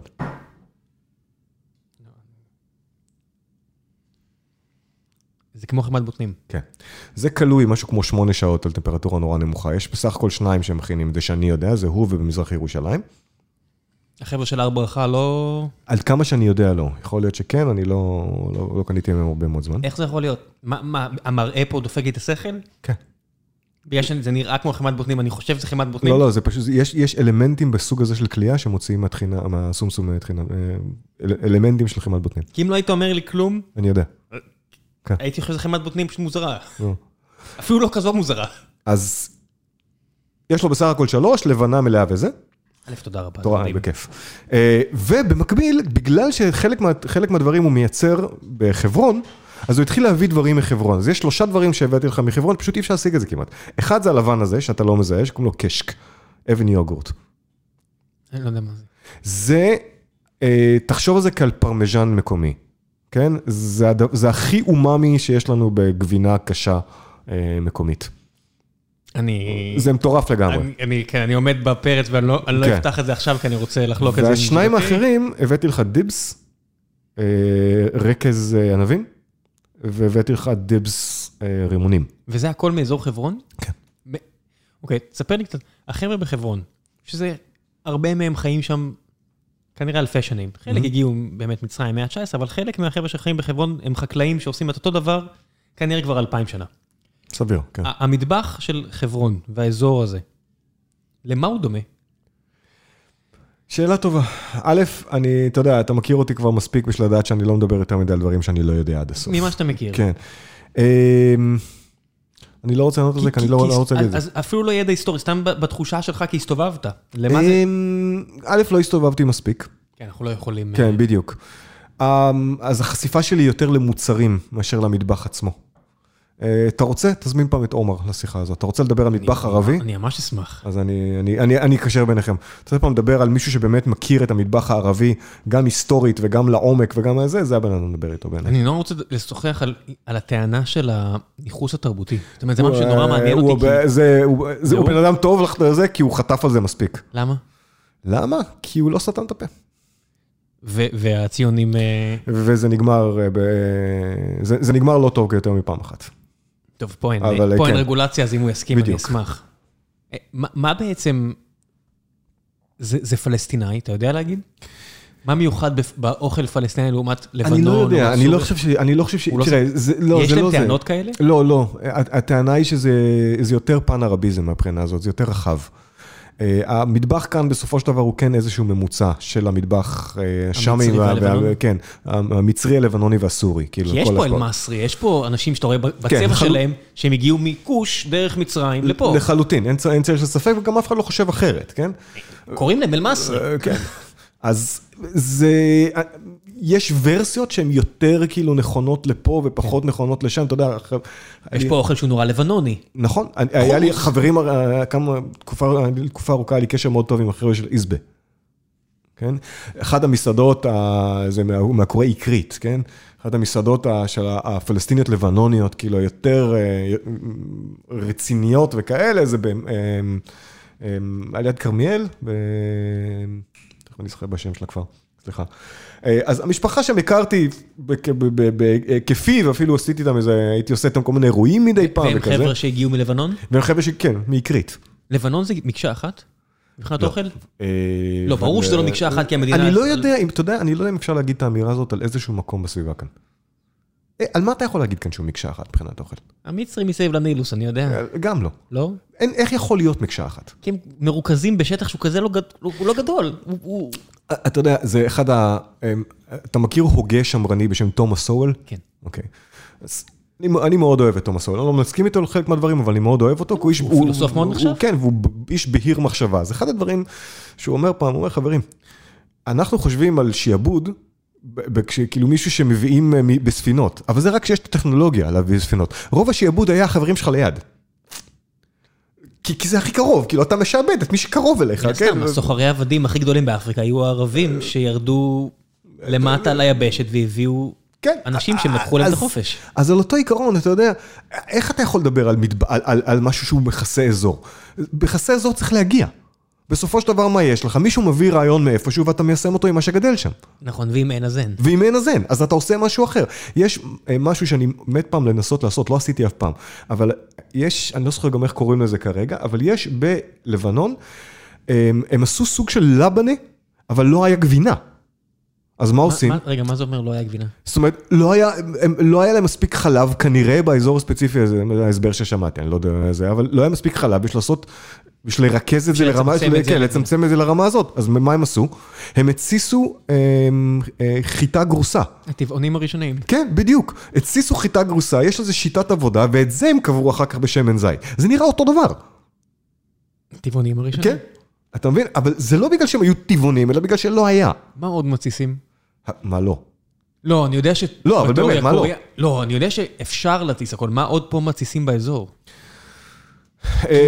כי אין פה באמת הרבה אוכל, או שיש. יש פה הרבה אוכל מוצס? בטורקיה יש? בטורקיה יש, בטורקיה יש כל מיני ורסיות של הדברים האלה, אבל בגדול, שוב, התש- התשובה היא תמיד מה שיש, כן? זה לא ש... אני, אני לא צוחק, אני לא, אני לא מנסה להתחמק מהשאלה, אלא זה... אתה מתסיס מה שיכול לתסוס. אה, אז כל ורסיה של תירוש, כן, כל פרי שיכול לתסוס, בסופו של דבר יוצס ברמה כזו או אחרת, או שהוא יוצס על הפרי, כן? אה, אתה תעשה... אה, אה, בשרים פה בסביבה נניח לא כך יישנו, כי אתה יודע, מסובך וחם וכאלה, אז... כן, מערות. אה. כן, אז זה פחות, אבל יש לך curing, שהוא גם סוג של... מה זה? אה, כל הבשרים המיובשים. ה jerkies? אה, כן, jerkies למיניהם, כן. אה, עשו את זה גם פה. אה, אה, זה בסטורמה, דיברנו על זה לפני שנייה בטורקיה, כן? כן, הנקניקים שאמרת... כן, זה בדיוק- זה בוודאי, זה קיים תמיד. לא, לא הבנתי למה... חשבתי שעושים את זה בגלל הטעם, אבל מן הסתם בשביל השימור. כן, זה תמיד בשביל השימור, זה בדיוק העניין. זה תמיד, זה, זה תמיד בגלל שמשהו צריך לשרוד משהו. זה, אה, אני, אני, אתה יודע, אני אתן לך דוגמה מכיוון אחר לחלוטין. אני, סליחה, אני חותך ימין, בסדר. ימינה מאוד רחוק, אבל תראה. היה לי, בין הפעם האחרונה שדיברנו לפעם הזאת, הייתה לי, נפלה לי איזשהו סימון בעניין של לחם. לך. כן, כל הזמן נופלים לי הסימונים. זה, לא, זה לא חדש, אבל הפעם זה היה, זה, זה היה סימון כבד אחד, שמעתי את הצלצול כשהוא פגע ברצפה, אוקיי? כשאני נסעתי ללמוד בטו, ב, באיטליה, באתי עם רקע. לא, זה לא שלא ידעתי להכין לחם, זה אומר שהייתה לי סוג של אינדוקטרינציה לשלבים. איך דברים אמורים להתנהל. וכמובן שמה שראיתי, השוויתי לשלבים שראיתי, כן? ואמרתי, את זה הוא עשה ככה, את זה הוא עשה אחרת, ניסיתי להבין את זה בכלים שהיו לי.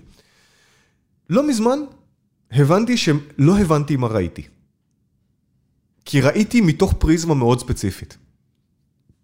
המורה שלי היה בא, וקם בבוקר, הוא היה אופה שלוש פעמים בשבוע, בבוקר ביום לפני, הוא היה אה, מגיע, בבוקר מאוחר, איטלקים, אתה יודע, חס וחלילה בבוקר מוקדם, חוץ מכשחייבים. אה, מאכיל את המחמצת שלו, או, או מגדיל את האימא, ככה הוא קרא לזה, וממלא את התנור בעצים. התנור עוד היה חם מהאפייה הקודמת, אז העצים היו מתייבשים בתנור, עוד לא היה מדליק. התנור לא כבה אף פעם? לא, הוא היה נכבה, הוא היה כבוי, אבל הוא היה עוד חם, היה עוד חום, חום אגור. אז כשהוא היה מכניס את העצים, הוא לא היה מדליק, הם פשוט היו מתייבשים, ואז בערב כשהוא היה מדליק היה יותר קל להדליק mm, אותם. גדול. אוקיי, והיה הולך לענייניו. החום פשוט מוריד את הלחות, ואז... כן, כן, בדיוק, יותר קל להדליק. זה טריק שאני שאבתי ממנו אחר כך, השתמשתי בו המון שנים. כן, למי שכמוני רחוק מזה, פשוט הכל חדש ו... כן. זה מעניין, אבל זה הגיוני. זה הגיוני לחלוטין. כן. ניצול טרמי זה דבר מאוד חשוב, כי, כי, כי אתה רוצה לנצל כמה שיותר את החומר, את המעט חומר שעומד לרשותך. אוקיי, היה הולך לענייניו, וחוזר אחר הצהריים. אחר הצהריים המחמצת שלו כבר גדלה והתפתחה וכאלה, העצים כבר יבשים, הוא היה מכין את הבצק בתוך השולחן שלו, היה לו מין שולחן כזה בצורה של שוקת, מכין את הבצק שם, מדליק את התנור. מערבב קמח עם מים, כן? מערבב קמח עם מים ומלח, כן. רק כן. מוודא שאני לא מפספס לא, לא, פה איזה... כן. מדליק ומשאיר את הבצק בתוך השולחן.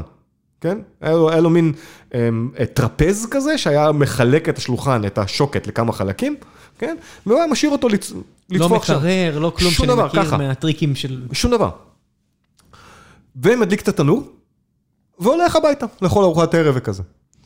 למחרת היה הבוקר היחיד שהוא היה קם מוקדם. עכשיו, מוקדם, שוב, מוקדם יש לאיטלקים, לא כל כך מוקדם משלופים, הוא היה קם באזור חמש, שש, זה מוקדם, לכל הדעות, כן? אבל בשביל אופים שמתחילים משמרות בשתיים, שלוש, זה לא נורא. כן, אני... כן, זה... יש, זה, יש, יש, שכן, וגם תמיר, חבר משותף לנו, שאני יודע, כן. כן. אז לא, זה בסדר גמור, הוא היה קם באזור חמש, חמש וחצי ככה, מגיע שם בשש, התנור כבר היה על גחלים, הוא היה מפזר את הגחלים, ולוקח, מוציא בצק, אה, פותח את השולחן, ומתחיל להוציא חתיכות של בצק, שוקל אותם למשקל מאזניים, שאלתי אותו דרך אגב, מאזניים כאלה של פעם, עם משקלות. שאלתי אותו למה, הוא אמר שזה על פי חוק באיטליה, היו חייבים, זה גם משקל שהוא היה צריך לקנות מהממשלה האיטלקית. שהמשקל עצמו... כן, כן, המשקל עצמו והמשקלות. משהו מאוד מוזר, כן? אה, הוא היה זורק כאלה יחידות של בצק הצידה, היה לו בערך 100 כיכרות, 110 כיכרות כל פעם, מסיים לחלק, מעצב אותם, חוזר חזרה, קוראים לזה פיפו. איך זה נראה? first, מכוער נורא. של גושים של בצק? כן, גושים של בצק. first in, first out, כאילו לוקח את הראשון שהוא עשה ומעצב אותו, שם אותו על אה, מוטו, אה, כאלה קרשים ארוכים, עם בדים שהוא גזר מווילונות ומכל מיני כאלה, לא שום בד פאנסי ושום דבר, כן, כזה. כשהוא סיים, הוא היה מנקה את התנור, אה, ונותן לתנור כמה, איזה חצי שעה ככה להתאזן, אחרי שהוא הוציא את הגחלים, שהחום מתפזר שווה, זה מה שהוא היה אומר, ואז הוא היה מכניס שוב את הראשונים שהוא ייצב, אוקיי? וזהו, ומאותו רגע, ככה הייתה מתנהלת האפייה. עכשיו, מה אני ראיתי? מישהו בא וקונה את זה? לא, הוא היה מחלק. לא, לא, כמעט ולא היו באים אליו, הוא היה מחלק לכל מיני חנויות ושווקי איכרים וכל מיני כאלה. מה אני ראיתי בכלים של אופה מערבי מודרני, יחסית? אני ראיתי אה, תפיחה ראשונית, כן, אכלת מחמצת, תפיחה ראשונית לאורך הלילה, חלוקה, עיצוב מוקדם, מנוחה, עיצוב סופי, אה, תפיחה שנייה. אני ראיתי שלבי אפייה הגיוניים. מה הוא עשה?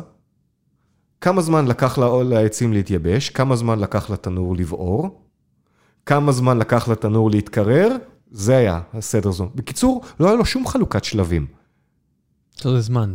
זה היה החלוקה הזאת היא לא הייתה אמ, הכרחית, אלא זאת הדרך שבה הוא עפה, והבצק פשוט הותאם לזה. עכשיו, כשאתה יורד לדרום איטליה, פתאום אתה רואה שאין תפיחה במסה, אלא מחלקים את הבצק הרבה יותר מוקדם. למה? כי שם חם. בצק במסה תופח יותר מהר, בצק בחלוקה לכדורים, פחות, פחות אה, מסה, תופח יותר לאט. איך זה משפיע שיש יותר שטח פנים שמגיע לחמצן? פחות עניין של החמצן, החמצן פחות משחק כאן תפקיד. איך יכול להיות? כי רוב מה שחי בבצק הוא אנאירובי. או- אז אין אין תהליך של אה, חמצון, אה, יש, יש תהליך של חמצון, אבל הוא מינורי והוא מסתיים נורא נורא מהר. אז רוב העניין פה זה זה הטמפרטורה ומה קורה לשמרים. בדיוק, זה בעצם מסה, אה, זה מסה טרמית. בצפון קר, הוא היה בצפון, בקומו, כן? בצפון קר, אז משאירים במסה, כדי שיחזיק את החום ויטפח לאורך הלילה. הוא בטח לא חשב על זה לעומק, הוא פשוט ככה עושה. מעולם לא. זה לא עלה בדעתו. אז אוקיי? אם היית לוקח אותו לנפולי, פשוט זה לא היה יוצא טעים. לא, הוא היה מבין מה לעשות, זה בדיוק העניין, הוא היה, כן. כי, כי ככה הם הבינו. מה זה היה מבין? הוא היה רואה מה אחרים? הוא היה רואה שזה תוסס אה, זה, כן, או שהוא היה רואה מאחרים, או שהוא היה מבין שהוא צריך לחלק יותר מוקדם. גדול. אבל כל הסכמה הזאת שהייתה לי בראש, היא סכמה של ספרי אפייה, לא של רופאים. והרבה פעמים אני חושב שזה מה שאנחנו עושים, אנחנו מלבישים את איך הדברים נוצרו, אתה יודע, אני גוזר גזירה מאוד אה, רחוקה, מלבישים את התפיסה הסופר אה, מתוחכמת המודרנית שלנו לגבי איך דברים נוצרו. הם נוצרו כי מישהו רצה להתאים משהו למישהו. אני בטוח שאתה יודע, יש את העניין הזה כמו שקלפטון ראה את ג'ימי הנדריקס מנגן, וקלפטון היה נגן בסדר גמור בסך הכל, הוא אמר, יואו, הוא יותר טוב. כן, כן, כן. אז אני די בטוח שג'ימי הנדריקס לא ידע להסביר, לא, לא, הנדריקס היה? האחרון שידע להסביר. הוא פשוט ניגן, כי האצבעות שלו התמזגו עם הכלי והוא פשוט ניגן. אין, אני לא יכול- אני לא יכול שלא להסכים יותר. אז גם האופה הזה בקומו, אני מניח שהוא לא יודע לפרק את זה שלו, הוא עושה לחם כמו שחיה חיה. נכון, אבל מה שאני בא להגיד מזה זה שאנחנו צריכים נורא להיזהר כשאנחנו נותנים את התיאורים האלה. התיאורים האלה הם בסופו של דבר אנתרופולוגיה. אנחנו מבינים משהו בכלים של משהו. והרבה פעמים זה מפקשש, אחד הדברים שאני מבין לפחות בשבילי זה שזה מפקשש את המהות של הדבר עצמו. אני אומר לך, לקח לי 20 שנה להבין שבעצם מה שראיתי היה פרשנות שלי שהייתה מבוססת על מה שכבר ידעתי. ושאם הייתי שואל את, את פרנק על זה, לא היה לו מושג מה אני רוצה מהחיים שלו. את כל החלוקה לשלבים ואת כן, הכל. אני, אני אפילו זוכר שניסיתי, והוא לא הבין בדיוק מה אני רוצה, אבל הוא גם לא היה, הוא לא רצה ממש לדבר, אז כאילו, אתה יודע, עזבתי את זה. זה- זה ממש כמו להסביר את ג'ימי הנדריקס, בתים ו... כן, הוא אמר ככה. מה אתה רוצה ממני? כן, מה, כאילו ככה. באת ללמוד, תלמד. כן, עכשיו, כמובן שאני הגעתי לארץ והבנתי שזה לא עובד. כי? כי, כי פאקינג ישראל, כן? כי כן, 30 טמפרטורה? מעלות בזה, כן, כי... כי ההבדל של 15 מעלות פשוט משנה את הכל. בוודאי, כי זה לא קומו. יש גם עניין של גובה? יש קצת עניין של גובה, זה קשור יותר לנושא מאוד מאוד מורכב, שקשור לתנועת מים, לאיך מים מתנהגים באלטיטיוד שונה. אבל כן, יש, יש בפירוש, אה, יש, יש משמעות לזה, ללחץ אטמוספרי. ישב פה לא מזמן אורח שלא קשור בכלל לתחום, הוא אמר שאשתו התאהבה באפייה, וזה שהם עברו לדירה נורא גבוהה, קומה 30, הוא לא יודע מה, שינה לה את האפייה. זה יכול מאוד להיות. יש שני דברים עיקריים, אחד זה לחץ, לחץ אטמוספרי, כאילו משפיע גם על תנועה של מים, אבל הוא גם משפיע במובנים מסוימים על התנועה והריכוז של אה, CO2. וזה אחד הדברים הכי מוזרים באפייה, שהלחץ בתוך הבצק לא יכול לעלות על כמות ה-CO2 שיש באטמוספירה. איך אתה אבל, שאתה הכנת בצק במקום בלי חשמל, איך... זה מה, זה הכל אינסטינקטיבי? ניסוי וטעייה? תראה, הלוואי ויכלתי. אם הייתי יכול לבלות עם פרנק עוד עשור, לפני שהתחלתי, לפני שפתחתי מאפייה, אבל הייתי מטומטם, כן, אז, והייתי ישראלי ולא היה לי זמן. אבל, אז, אז הייתי אופה קרוב לוודאי ככה. מה אתה חושב שהיית לומד? אמ, אני לא חושב שהייתי יודע יותר, אבל אני חושב שיכול להיות שהייתי, שהי- שהייתי מבין פנימית הרבה יותר מהר. ואימא שלי היום בת, אה, אולי אפילו מאזינה עכשיו, היא בת 70 פלוס, והיא עדיין מתגעגעת למאפים שאימא שלה, סבתא שלה שגדלה בגבול טורקיה, רומניה, מולדובה, כל האזורים האלה, הייתה מכינה איזה משהו שאנחנו קוראים לו שמיניות. כזה מאפה בורי כזה עם אה, Mhm. גבינה.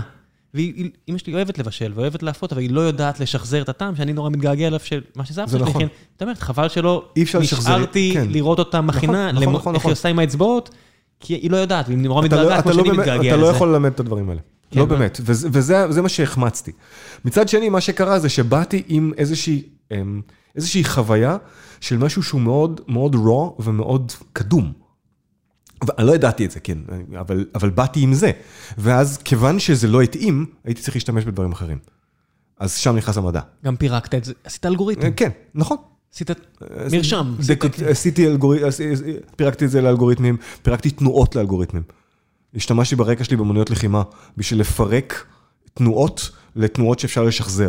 יש את כל העניין של- שרואים, נגיד, לא יודע, מכיני פיצות כאלה, איטלקים, שראיתי, אה, היה לי את הזכות לבלות כמה ימים עם איזה שפית נורא, גם בצפון איטליה, והיא אמרה שהתנועות האלה זה לא פוזה, היא באמת משחררת את החלבונים ככה, אני, אני לא ידעתי מספיק כדי להבין מה היא אומרת, אבל יצא מזה נורא טעים. והיא כאילו שפית, אני לא זוכר את שמה, אז אני לא אגיד סתם, אבל היא עשתה כל מיני תנועות עם הבצק, היא אמרה, זה חלק מהעניין. זה חלק מהעניין, אני אגיד במאמר מוסגר. שזה הרבה פוזה. ש... זה לא עניין של הרבה פוזה, אבל אני לא מכיר... אמ, פיצאיולואים, שמה? מה שפיצאיולואים אומרים על בצק, פיצויולים, ככה זה נקרא? כן, פיצ... פיצאיולו, כן? פיצאיולו. מה זה? מה זה? אה, שף פיצה, כן, אחד שמחליט. יולו זה שף? אני לא יודע למה אה. זה ככה, כן, אל תשאל אותי עד- פה. רגע, פיצה זה בצק נחות? לא, אמ, כן ולא. זאת אומרת, בסופו של דבר אנחנו מדברים על לפחות בוורסיה המודרנית שלנו, על בצק שמרים לבן. אז יש כל מיני ורסיות אבל כאלה. אבל לא חייב, לא יודע, נגיד, אה, זוגתי מאוד אוהבת להכין פיצה מ- אה, שהם לא לבנים, לא לא. אז נכון, אז יש כל מיני ורסיות, אבל בכל זאת, אה, נפולי-. נפוליטנית קלאסית, כיום, ת- תלך תראה מה ההגדרות שלהם, כן? בברוקלין ובנפולי, כן. אה, כן, ההגדרות שלהם זה בצק שמרים לבן, אין, אין ספק בעניין. באמת הזה. מתאים. אז אפשר לעשות, אתה יודע, עם כל מיני בצקים מקדימים, ואפשר לזה, בוודאי שפיצה במאה ה-18 או ה-17 איננה בצק שמרים לבן, כי אין לבן ואין שמרים, כן? אה, אבל, אה, ובוודאי שפלאט ברדס זה משהו שהוא... היסוד שלו קדום הרבה לפיצה, ובטח לפיצה הנפוליטנית, והנפוליטנים לא היו הראשונים ששמו דברים על בצק שטוח ואפו אותו בטמפרטורות גבוהות. מה- מה נגיד אופק כזה מקום הוא חושב על פיצה? הוא משתדל לא? הוא מרים את האף? בוודאי. הם למה? צפ- כי הם צפונים וזה בדרום. אין פיצה בצפון? אני מניח שיש, אבל זה לא יגרום להם לעקם את האף פחות. למה? כי הם צפונים וזה בדרום, הם לא, רוצים נו. להיות, אני לא, אני רציני לגמרי, אתה יודע מה קרה כששאלתי, כשביקשתי ממנו פקורינו רומנו במקום פרמיז'ן? כמעט חטפתי מכות. כי זה גאוות יחידה על המדינה בוודאי. שלהם? כן, נו, פרמיז'נו, כזה, כאילו, חד וחלק, הם רוצים, מבחינתם הם יכולים מחר לחתוך מהדרום. ומוצרלה זה הכי בלאי. זה לכו לאמריקן. לא מדברים על זה בכלל. אסור, לה- הס מלהזכיר, כן? כמו לבקש קפוצ'ינו באחת בצהריים, אתה רוצה מכות? למה? נסה. לא, אני... אני... כי אסור. למה ככה? כי לא שותים קפוצ'ינו, קפוצ'ינו שותים בבוקר. ומה בצהריים? הפוך? אספרסו? אספרסו מותר לשתות כל היום, אבל קפוצ'ינו לא. למה? ככה, איטלקים.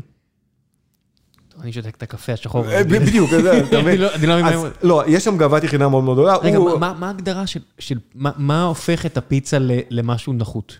זה לא נחות, נחות זה בעיניי מושג לא נכון, כן? פיצה זה אחד המוצרים, אולי המוצר הקולינרי הכי גאוני שאני מכיר, כי הוא פיצוח, תשמע, זול, טעים, מסחרי. זה לא רק זה.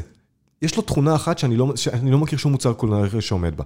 תגיד לי, תמצא לי משהו ששף של שלושה כוכבי משלן וילד בן ארבע נהנים ממנו באותה מידה. כולם אוהבים פיצה. נכון. אפילו לא שוקולד נכנס להגדרה הזאת. לא, יש הרבה אנשים שלא כן. אוהבים מתוק, אבל פיצה כולם אוהבים. בדיוק. אז במובן הזה, אין.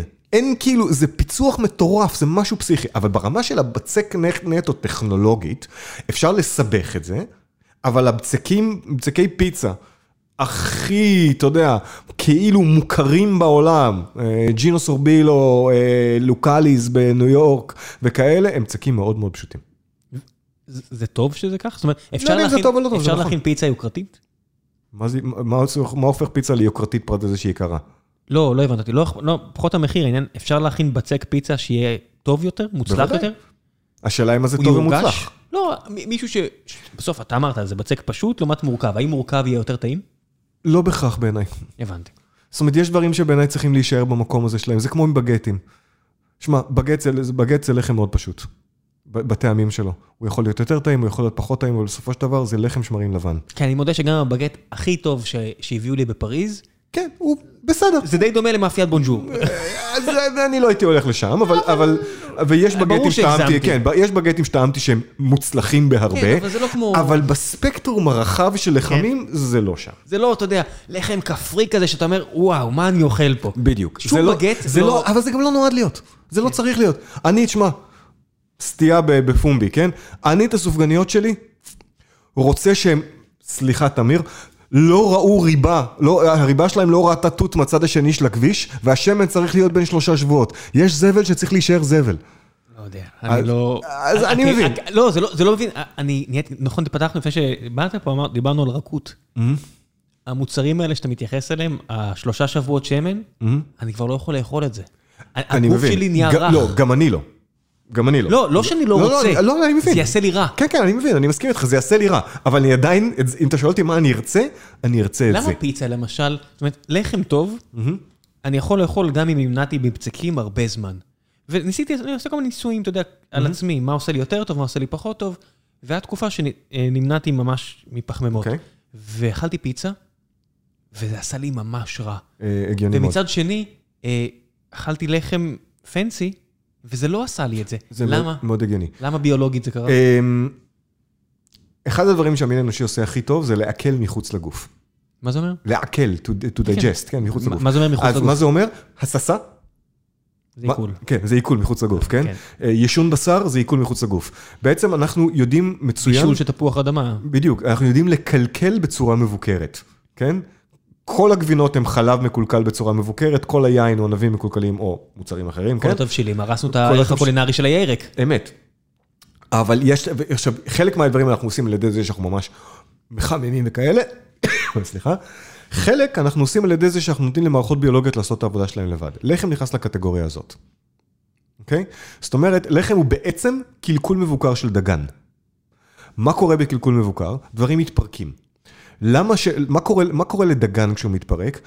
החלקים, ש... החלקים בו נעשים מונגשים, כי זה המטרה שלהם.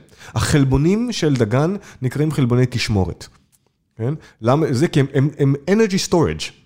מה הבעיה בחלבוני תשמורת? בשביל שהם ישמרו אנרגיה, כספת צריכה להיות סגורה טוב. לא קל לפרק אותם.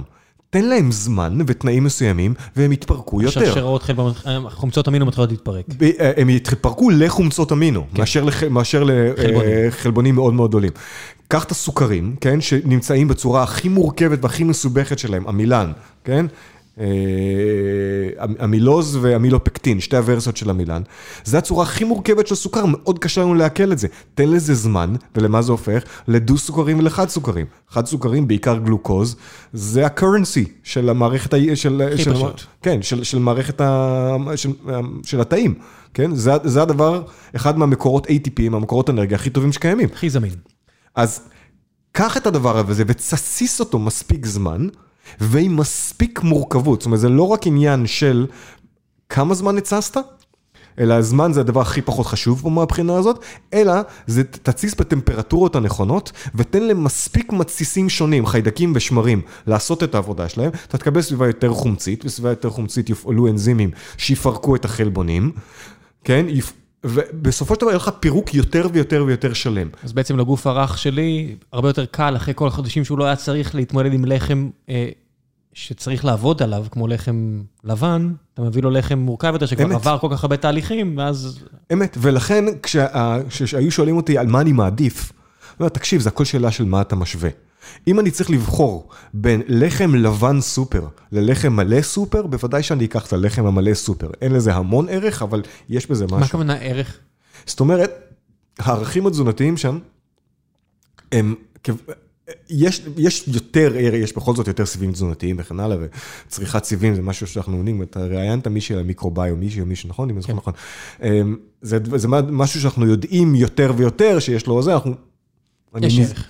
כן, אני לא יודע מספיק כדי, אני יודע אני, שיש גם. אני, גם כן. אני לא, ויותר מזה אני אגיד, אני, אף אחד לא יודע מספיק, וצריך נורא נורא להיזהר. יש המון אמירות על הדברים האלה שהן מאוד אתה מסוכנות. יודע, עם- תזונה כולם מומחים גדולים. כן, אבל um, אנחנו כן יודעים שיש לזה ערך גבוה, אז בוודאי שאני אעדיף סיבים על לא סיבים, אבל אם תשאל אותי מה אני בוחר, לחם קמח מלא או לחם מחמצת שהוא ברובו הגדול קמח לבן, זה יהיה לחם מחמצת.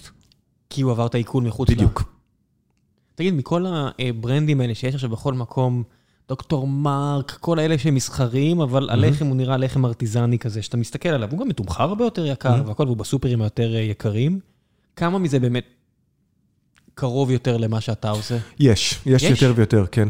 Uh, לשמחתי זה משהו שקורה בארץ בשנים האחרונות, ובעשור האחרון, אבל בעיקר בחמש שנים האחרונות, הרבה, הרבה יצרנים גדולים, או גדולים בינוניים, כן? אני לא מדבר על אנג'ל ברמן דוידוביץ', למרות שגם שם יש ניסיון ללכת לשם.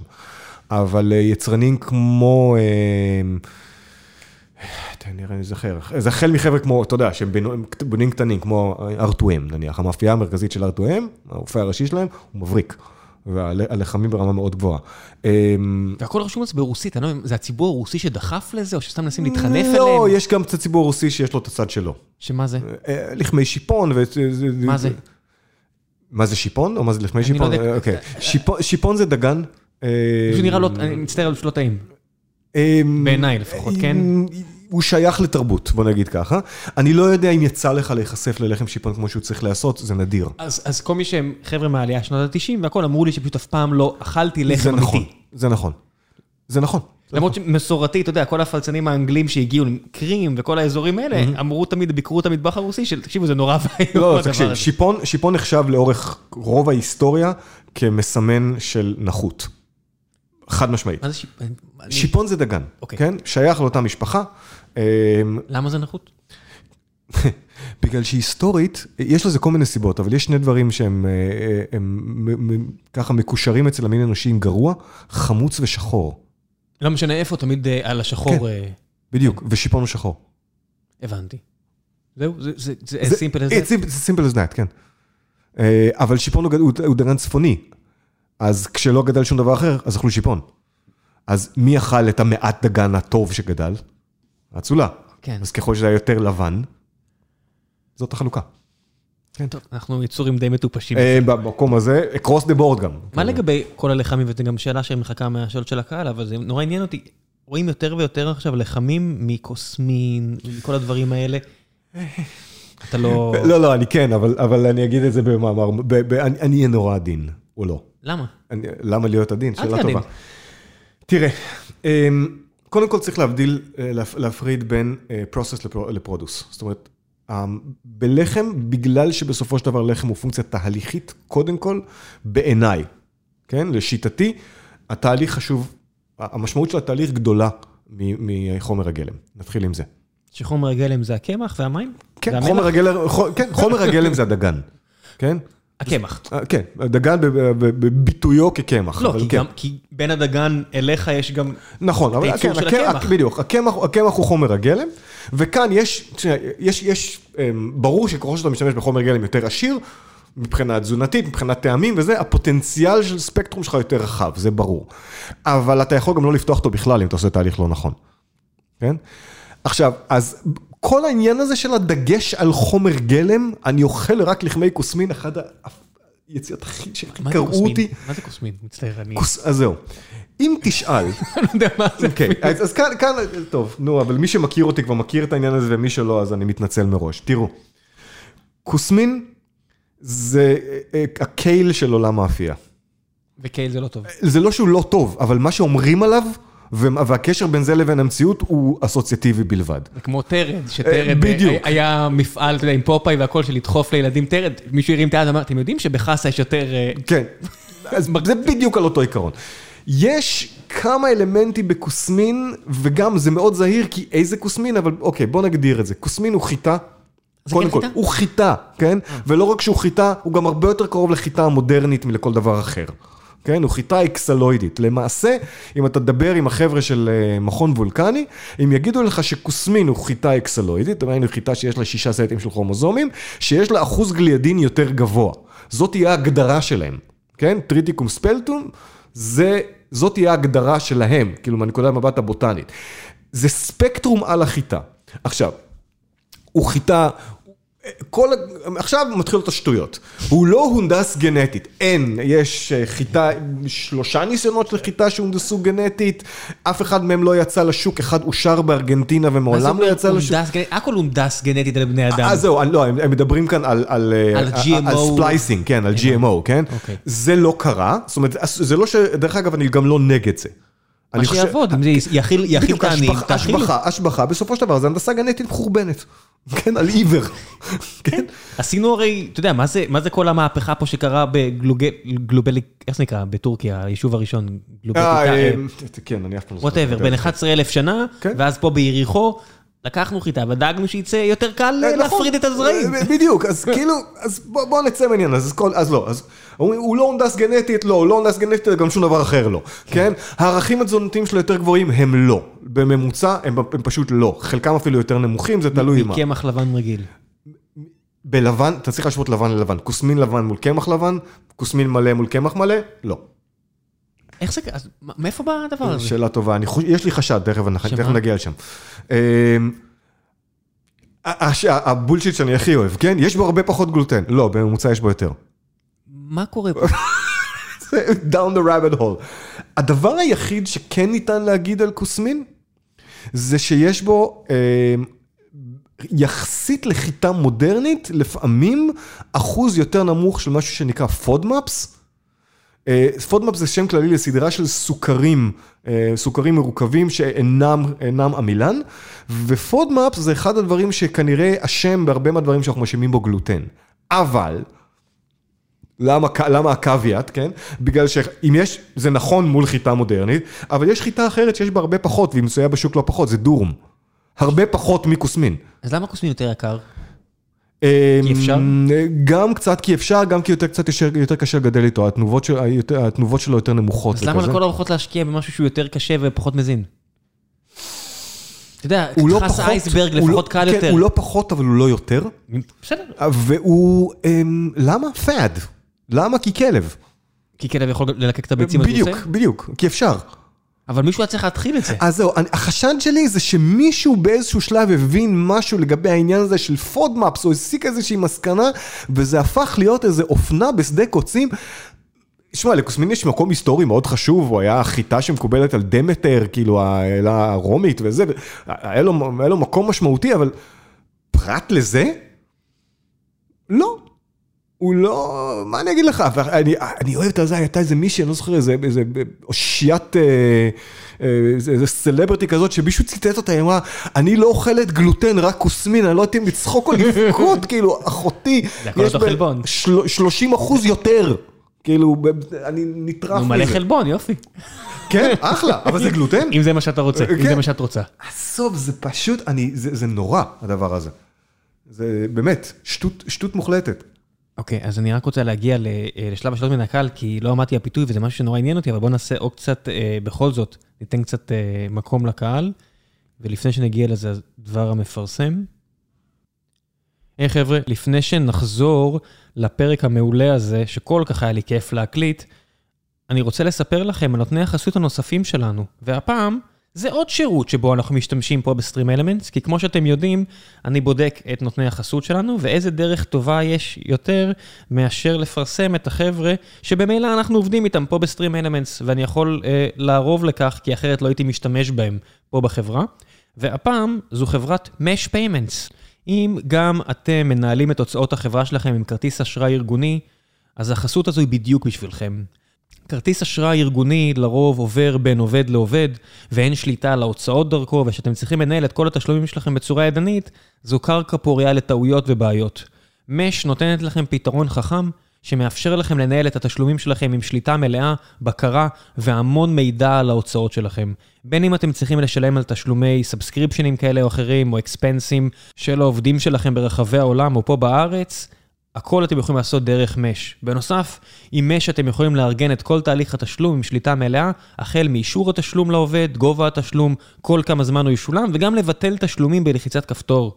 מש חוסכת לכם המון זמן, בין אם זה לאסוף קבלות בצורה אוטומטית, לבצע דוח הוצאות אוטומטי, וגם מתחברת עם מערכות ה-ERP שלכם, ככה שהמערכת מעודכנת בצורה אוטומטית. בעזרת מש אתם יכולים לבצע תשלומים בצורה בטוחה יותר, מאשר עם כרטיס אשראי שעובר מעובד לעובד. אני יכול לספר לכם שלפני שהשתמשנו במש, ובעצם הסיבה שדחפה אותי לכיוון של מש, זה אה, כשיום אחד קיבלתי הודעה מהבנק שלי, שמצאו את פרטי האשראי שלי אה, בדארקנט, אז הקפיאו אותו. וחיש קל 70 תשלומים שהיו אמורים לעבור, ולא פחות מ-70, שהיו אמורים לעבור כמה ימים לאחר מכן, לכל שירותי ה-IT שלנו, נשארו ללא בית. אין, אין תשלום והכל איים להיות תקוע, אז מהר מאוד הייתי צריך להוציא כרטיס אשראי אחר, ולהתחיל להעביר את כל המספרים האלה. עם מש, כל הסיפור הזה לא קורה, כי יש כרטיס, מספר כרטיס וירטואלי, ואם הוא אה, בעצם מתגלה פה במקום כזה או אחר, ואתם רוצים לבטל רק אותו, אז אפשר לעשות, אפשר לבטל רק אותו, ואתם לא צריכים לבטל עכשיו את התשלומים שלכם על כל השירותים להם אתם מנויים בעסק שלכם. אז אני אישית מאוד ממליץ על מש פיימנטס, ואת עודד, המנכ"ל והיזם מאח- מאחורי השירות הזה, כבר שמעתם בגיקונומי בעבר, אתם יכולים להתרשם גם מהפרק איתו, אז אישית, כאמור, אני ממליץ, Mesh Payments, אחלה פתרון שבו אנחנו משתמשים פה בסטרים אלמנטס. אם תגידו להם שהגעתם דרך גיקונומי, גם תקבלו בונוס מיוחד. זה מעבר לכל הקשבק חזרה על כל ההוצאות שלכם שהם מעציים, וזה יופי של דבר. זהו, עכשיו בחזרה לגיקונומי 463, מקווה שאתם נהנים. אוקיי, אמ, יש פה כל מיני אנשים ששאלו, אמ, אז באמת שאלו על אה, אה, קוסמין לעומת חיטה וענית על זה, אסף אה, זומת שואל, אמ, מה לגבי שאור, שאור? שאור? שאור. שאור לעומת שמרים. אמ, קצת ענינו על זה, שיעור הוא מורכבות, כן? בסופו של דבר שיעור זה תרבית שמכילה אה, יחסית הרבה זנים של שמרים וחיידקים. חלק אחד, זן אחד של השמרים הזה הוא מקביל או בן משפחה של השמרים התעשייתיים, אבל גם הוא לא חייב להיות שם. ובגדול, ככל שיש לנו יותר מורכבות, אמ, מיקרוביום יותר עשיר, ככה יש לנו יותר צורות פירוק. ככל שיש לנו יותר צורות פירוק, יש לנו יותר תוצרי לוואי. אופ, אמ, אובייקטיבית יש לנו יותר טעם, זה לא בעניין של טעים או לא טעים, אבל יותר סוגים של חומרי טעם. על הספקטרום של הטעם. אה, ספקטרום הטעמים יותר רחב, בדיוק. ו... הדבר... יש דרך למדוד את זה, למי ששואל, כן, זה, כן, לא, כן. זה לא קשקשנות, אפשר ממש למדוד לא, לא, זה, אשכרה אפשר למדוד, כן, כן, זה מדיד לחלוטין, פלבנודים וזה, אפשר לחלוטין. זה כמו ירק מהסופר לעומת ירק מהשדה, ההבדל כן. הוא באמת בספקטרום וזה קיים, זה כן, מוכח. כן, זה, זה לחלוטין, אפשר לתעד את זה, וזה גם מתועד, זאת אומרת, זה גם כן. מתועד מחקרית, אין יש שאלה בספר ספק. של אסף אביר, אה, שהתארח פה, ממש, מח- יש כלי מדידה, אני לא מתיימר מעבר ללצטט אנשים אחרים, זהו. עכשיו, מעבר לזה, הדבר הכי משמעותי ששאור עושה, זה אה, מייצר חומציות. וחומציות היא אחד מהסביבות מפתח לפתיחת מה שגלום, ב, לפתיחת התיבת אוצרות הזאת שנקראת דגן. בלי חומציות, קשה מאוד לפתוח את זה. וזה ההבדל הכי משמעותי בין עבודה עם שאור לעבודה עם רק משמרים תעשייתיים. הפיתוח של חומציות ופיתוח סביבה חומצית שמאפשרת לדגן ספקטרום הרבה יותר רחב, פירוק הרבה יותר שלם, נגישות תזונתית הרבה יותר גבוהה. יש מרחב לאיכות של ו- ושמרים, הרי אתה יודע, זה, זה יצורים חיים. כל, מה, כל מי שרוצה לעשות סטנדרטיזציה ליצורים חיים, אני מניח שזה יותר קשה מאשר לדגנים או לדברים כאלה. יש שמרים טובים ושמרים פחות טובים, כי בסופר זה לא נראה ככה. לא, לא באמת בעיניי. זאת אומרת, יש, המון זנים, אבל טובים זה טובים אבל למה? בסופר, זאת אומרת, כשאני מגיע היום ל- לאיזה, לא יודע, אה, מה, ברמה של לקנות חפ- חבילת שמרים? אה, יש חברות כאילו שנחשבות יותר ופחות, אבל יש מעט מאוד ביחס נגיד לסוגי הקמחים. אה, כן, כי זה לא באמת משמעותי. אוקיי, אז הנה התשובה. זה אה, לא באמת. איך זה יכול להיות? הם- כי הם- הם כולם עשו את אותה אופטימיזציה. כי, כי זה, אתה יודע, כי הם מנסים להתאים לאותה רובריקה, המטרה היא לייצר משהו שמייצר כמה שיותר גז, כמה שפחות זמן. אוקיי, אה, שי ורדי היקר מבקש עוד הסבר על אוטוליזה. אוטוליזה. אמ, אוטוליזה כתהליך היא שם להנחה, במקור הנחה של קמח ומים, אה, לעשות את מה שהם עושים לבד בלי, להפריע להם. אמ, זה תהליך שנוצ... שנקרא בשם, הוא לא נוצר, הוא נקרא בשם בסוף שנות ה-60, תחילת שנות ה-70 על ידי פרופסור רימון קלבל, ובגדול אה, הוא פותח כתהליך כדי לחסוך קצת זמן לישה. קלבל היה מודאג מאוד מלישת יתר. המון המון זמן במיקסר, הוא היה מודאג מחמצון ומכל מיני אלמנטים אחרים שנובעים ישירות מהמיקסר, והוא אמר, אם אנחנו רק נשאיר את הבצק בין שני שלבי לישה, אנחנו נצטרך ללוש פחות בהמשך. בין, הוא, הוא הסתכל על אנשים כמוך שעשו עם אפייה עם לישה עם הידיים ואמרו, זה, כן. זה אידיאלי, המיקסר הורס משהו ב... בדיוק, והוא הסיק מסקנה אופרטיבית וניסה ליישם אותה על מיקסרים. הוא בעצם לקח מסקנות אופרטיביות, משהו שהוא, דברים שהוא ראה בידיים, והבין מה יהיה ההבדל ואיך ליישם את זה במיקסרים. כיום, המושג מתייחס הרבה פעמים לכמעט כל השערה, כל כאילו פיתוח גלוטן ללא התערבות. יש ויכוח מאוד גדול אם זה חשוב או לא חשוב, בעיניי הרבה פחות ממה שאנשים חושבים. איך אתה ממליץ להיכנס לעולם אפיית הלחם הביתי, שקד שואלת או שואל? אמ, איך אני ממליץ? זה נורא נורא תלוי מי אתה ומה אתה. אמ, זה ש... בסופו של דבר זה שילוב של שני דברים, של לימוד עצמי אינטנסיבי ככל האפשר, ושל אה, אתה צריך להיחשף לידיים.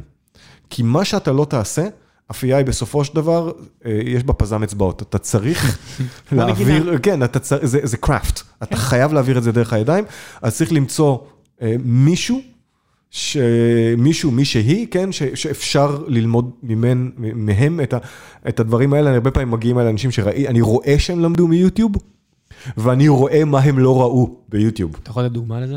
אה, קשה קצת, אבל יש, אה, אתה עובד על גוף תלת-ממדי ויוטיוב בסופו של דבר מצלם. דו, כן, בדיוק, זה דו-ממדי, יש דברים שאתה פשוט לא רואה, ואז יש המון אה, כאילו תנועות, שאם לא יפרקו לך אותם, ורוב האופים לא יודעים לפרק אותם, אה, אתה לא תראה אותם, ואז מה שקורה זה שאנשים רואים רק צד אחד, אפילו אם מצלמים את זה מכל הכיוונים. אפילו עבודה עם הארוך, שאני ניסיתי ללמוד מיוטיוב, ואז ראיתי את אימא שלי עושה, אמרתי, או, אוקיי.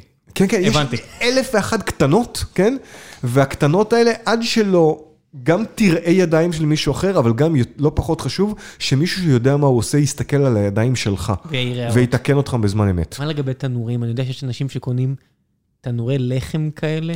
זה פעם היה באופנה, והיום אני חושב שזה פחות. בעיניי, זה, זה בסופו של דבר עניין של כסף. אה, אם, זה טוב? למי שיש, למי שאין ב- למי בעיה- שאין בעיה כלכלית, אפשר, כן, למה לא? זה אבל יותר טוב מתנור בוודאי, אפייה? בוודאי. אה, למה? אה, מסה. ככל שאתה אופה על מסה יותר גבוהה, אתה אופה יותר? טוב. אמ, לחם אוהב, אה, יש לנו שלושה סוגים של חום, כן, convection, conveyance ו-radiation. אה, העברה במגע, העברה על ידי תנועת אוויר, והעברה על ידי קרינה. אה, לחם אוהב קרינה יותר מכל דבר אחר. באמת? כן. אז למה לא עושים במיקרו? כי זה מיקרו, זה לא הקרנת חום, מיקרו מקרין גלי מיקרו ומזיז פרודות מים, זה לא אותו סיפור. זה לא אותה קרינה. הבנתי. כן, אוקיי. זה- זה לא- זה- באמת, זה לא אה, IR. צריך לקרוא על זה עוד, אוקיי. זה לא IR, זה לא קרינה, זה לא אינפרארד. לא, זה רדיו, זה- כן, זה radio wave. כן, אז זה עובד אחרת, אבל לחם אוהב, לחם אוהב את הסוג הזה של חום, מגנטי, מצטער על הטעיתי שם, לא משנה. אני לוקח בחזרה, בסדר. אה, וככל שלתנור יש מסה יותר גבוהה, ככה אה, יש פשוט יותר קרינה, אז דרך אגב זה פחות משנה קצת למה המסה, אפשר גם לעשות בתנורי מסה על מתכת, בגלל זה סירי מתכת עובדים. אה, ו... בגלל זה טוב למי שיכול לבנות את התנור לבנים ו... בדיוק, אז אה, ככל שהמסה יותר גבוהה, התנור בעצם עושה עבודה יותר טובה. תנורים מודרניים, תנורי אפייה אה, תעשייתיים, הם איזושהי נקודת אמצע בין מסה לטכנולוגיה. טוב, זה עולה בערך פי 100. אה, לא, אבל אז יש כל מיני פתרונות ביניים, והרבה מהפתרונות ביניים האלה, בוא נעניין על זה ככה. אם יש עד סביב 14-15 אלף שקל, כן? תקנה תנור ביתי, 14-15 אלף שקל? עד, עד לשם, כן? לאיפה הלכת, אדוני? זה המחירים? לא, עד לשם. אתה, כמה, כמה לדעתך עולה תנור ביתי באמת באמת טוב? תקשיב, כאחד שצריך, כי אנחנו תכף עוברים ואני צריך לקנות, אני הייתי בטוח עניין של אלפי שקלים ספורים, מה זה 14 אלף שקל? תקשיב, אם אתה רוצה באמת ה top of the line, אתה מדבר ב-50-60. מה? על מה אתה מדבר? ת- תנור, על- יש מכשיר חשמלי ביתי שהולך, מטבח עולה 50-60 לא? אלף שקל. אז תקנה בבקשה, תלך, ת- סתם בשביל הספורט, לך תקבל הצעת מחיר לתנור של וייקינג, מה זה וייקינג? זה מותג? כן כן, תנור של וייקינג או של וולף ומקררים של סאב זירו. שני האלמנטים האלה ביחד, ברמה, ברמת גימור סאב זירו, מסוימת, שזה פשוט מקרר שהוא... כן כן, שני האלמנטים האלה ביחד יעברו לך את המאה אלף שקל. על מה אתה מדבר? אני... זאת אומרת, יש פה איש יקר שכנראה עכשיו מאזין למה שאנחנו מדברים, והוא, אם, אם, היינו מקליטים את זה פשוט היום, הוא היה פה מעבר לכביש, שיש להם אה, מסעדה, מסעדה איטלקית, והוא אמר לי שהוא הביא מאיטליה אה, תנור לבנים. כדי לעשות סטנדרטיזציה, וזה הוא אומר, זה יותר טוב, אתה, הוא אמר לי, אתה עיקר כמוך לא יבחין, אבל אם אני רוצה להוציא את הפיצות שלי טוב לא, כל צודק. פעם מחדש, הוא צודק, הוא צודק. אז הוא הביא, כן, קנה תנור מאוד. באיזשהו סכום שערורייתי, וזה מה שגם עושה לו את העסק. אמרתי, אוקיי, זה למסעדה. אבל אתה אומר לי, לבית כן, יש אז, תנור... בג- אז בשביל זה אני אומר שלבית, עד ל-15 אל תעלה לשם, תישאר באזור ה-6,000 עד 8,000 שקל, יש המון המון תנורים, זאת אומרת, אפילו בין, פחות. הבוש של ה-4,000 בדיוק, תישאר בבוש ובמ- לווייקינג של ה-15 אין הבדל. ל- לווייקינג שם מתחיל ב-25, אבל כן, תישאר, תישאר, וואו. בבו, תישאר בבוש ובמילה, ובכאילו חברות גרמניות טובות, סימנס, אה, סמג, כל מיני כאלה. שהחברים הטורקים שלך לא ישמעו, כן? כן. כן. תישאר בזה, תקנה אבן טובה או משטח נירוסטה טוב, זה ייתן לך את העבודה או תאפה בסיר ברזל. אתה רוצה לקפוץ מעבר לפופק, יש, יש תמיד לאן ללכת, כן? וואו, תנור ב-50 אלף שקל. כן, מדהים. כן. לא לא ידעתי בכלל כן, אני יודע, הרבה אנשים לא, לא מודעים בכלל לאפשרות הזאת. ויש הבדל. יש הבדל, כן, כן, כן, כן. יש, אני עכשיו מנסה להיזכר, יש איזו חברה אחת ספציפית שאני מאוד מאוד אוהב, זה גם כן איזו חברה גרמנית, שיש, אחד אחד התנורים שלה הוא בילט אין עם אבן, הוא עם... כבד יותר? אה, כן, זה הכל, זה, זה, אתה, זה, תשמע, אתה, כשאתה רואה את התנורים האלה, אתה מבין למה הם עולים ככה. חוץ, מ, חוץ מככלב, כן? כי אפשר לקחת את זה, אבל אתה רואה רמה אחרת של נירוסטה, ואתה רואה... בסדר, גם זה, כן. בשעונים, שרק לאחרונה נחשפתי לזה, מי שמבין מסביר לי, אז אתה יודע, אומר לי, המנגנון הוא באמת מורכב, ותפתח, תקרא, תראה כן, שבין לא. פתק פיליפ לשעון שמוכרים בתחנה המרכזית, יש באמת עולם שלם, כן, מעבר כן. מעבר למיתוג והכל, יש באמת טכניקה שהשוויצרים יודעים. טוב, בוא נעשה אה, שאלה אחרונה לפני שנהפך לדלת. אה, דיברת פה על אה, ניסוי דוסאדי, מתברר שהרבה אנשים אה, לא יודעים איפה לקנות, כי מסיבה לא ברורה, ניב, אה, ניב ליבני מספר שמסיבה לא ברורה, אמזון ואודיבל מגבילים את הרכישה לישראל. מה? לא יפה. טוב, אנחנו ננסה לפתור את ה... כן. סורי, אני, אני, זה חבל לי, כי זה ספר מדהים. אתה, אתה, הצלחת להשיג אותו בסוף? לא, לא, עדיין לא, הוא עדיין מחכה לי ב- ברשימה, אבל אני אני פריבילג שמספיק אה, מחוץ לישראל, אה, כדי אני אמצא את זה, אם אני ארצה. טוב, אולי נשלח לך... כל החנויות האלה בלונדון או בלא יודע זהו, מה. אולי נשלח לך מלונדון, אם לא תגיע. לא, אני, זה בסדר, אני, א', אני אשמח, אבל, כי בתקופת הקורונה הנוכחית, אבל, הנה עכשיו חצי מהחברה פה טסה לקופנהגן, אני יכול לבקש מהם, זה. לא, למרות שיכול להיות שזה יגיע בשפה, מה זה לחם סקנדינבי? יש להם עולם שלם. אה, באמת, כאילו, אה, אני מאוד מאוד אוהב את האפייה הסקנדינבית. גם בזה הם טובים הנבלות האלה? כן, כן, כן, כן. זה שונה אבל. יש להם גישה שונה לגמרי. נניח, אחד הדברים שאתה רואה בזה בכמי שיפון, שהם הרבה יותר מתוקים אצל הסקנדינבים, מול היותר יותר חמוצים, יותר מוזנים אצל הגרמנים ואצל הרוסים. בכלל סיפור אחר, כאילו זה, יש להם עולם, עולם משל עצמו. לא האמת שגם בזה הם טובים. הם, כן, כן, אה, טוב, הם, הם, בדיוק, כן, היה לי שיחה, אמרתי אתמול, אבל זה היה לפני 12 שעות פה, עם עובד שלנו ממינסוטה, שכל המשפחה שלו הגיעה מסקנדינביה, הוא אמר, כן, אנחנו אנחנו מסתכלים די מלמעלה על כל החבר'ה. ודי, מסביב." ודי בצדק, כן. ותשמע, אחד הדברים שאני שאלתי את עצמי, ואני חושב שכבר הגעתי, הגעתי לתשובה יחסית סבירה, זה איך הם הגיעו. איך הם הגיעו מלהיות ויקינגים ללהיות זה. מה רע בוויקינגים? שום דבר, אבל תראו, לכאורה, אחת התרבויות היותר קשוחות וכאלה, לאחת התרבויות היותר מתקדמות. אמ, שמע, זה רק, לא מזמן השוודים היו אלה שניסו לכבוש את את אירופה, וכמו תמיד, היה קואליציה של עמים ששמו אותם במקומם, ואז הצרפתים עשו את זה, והשוודים היו חלק מהקואליציה שניסו למקומם, עד שהשוודים, הם כולם הבינו, אתה יודע מה עדיף? ניטרליות. חבר'ה במיינלנד, תהרגו אחד את השני, אנחנו פה ניטרלים. למדו- טוב. כן, הם ידעו- ידעו מא- מאיזה צד מרוחק חמאה על הלחם הטעים. לחלוטין. טוב, עמריאל, תודה רבה רבה עוד רבה. פעם, מה, שעה וחצי? כן, וואי, אני זה תכף לא. נהפך לדלת והחבר'ה בניו ג'רזי מחכים לי, ממש תודה. בכיף, אה, תודה לך. אני- ממש, אנחנו, אני לא יודע, מה- על מה הפעם הבאה נדבר. טוב, פעם, אתה כיסינו מוזיקה, כיסינו... מסוף החודש הזה, מאוקטובר, אני תשעה ימים בארץ, ת- ת- נמצא את הזמן. אתה אתה תחזור עם אה, חוויות מהאי הבריטי, אמת, אמת. אבל שם המוזיקה כבר ממנצ'סטר קצת שונה. לא, מנצ'סטר ולונדון, לא נדבר על זה, זה עצוב מדי. לא נדבר על זה. טוב, תודה רבה, יאללה, ביי ביי. ביי ביי.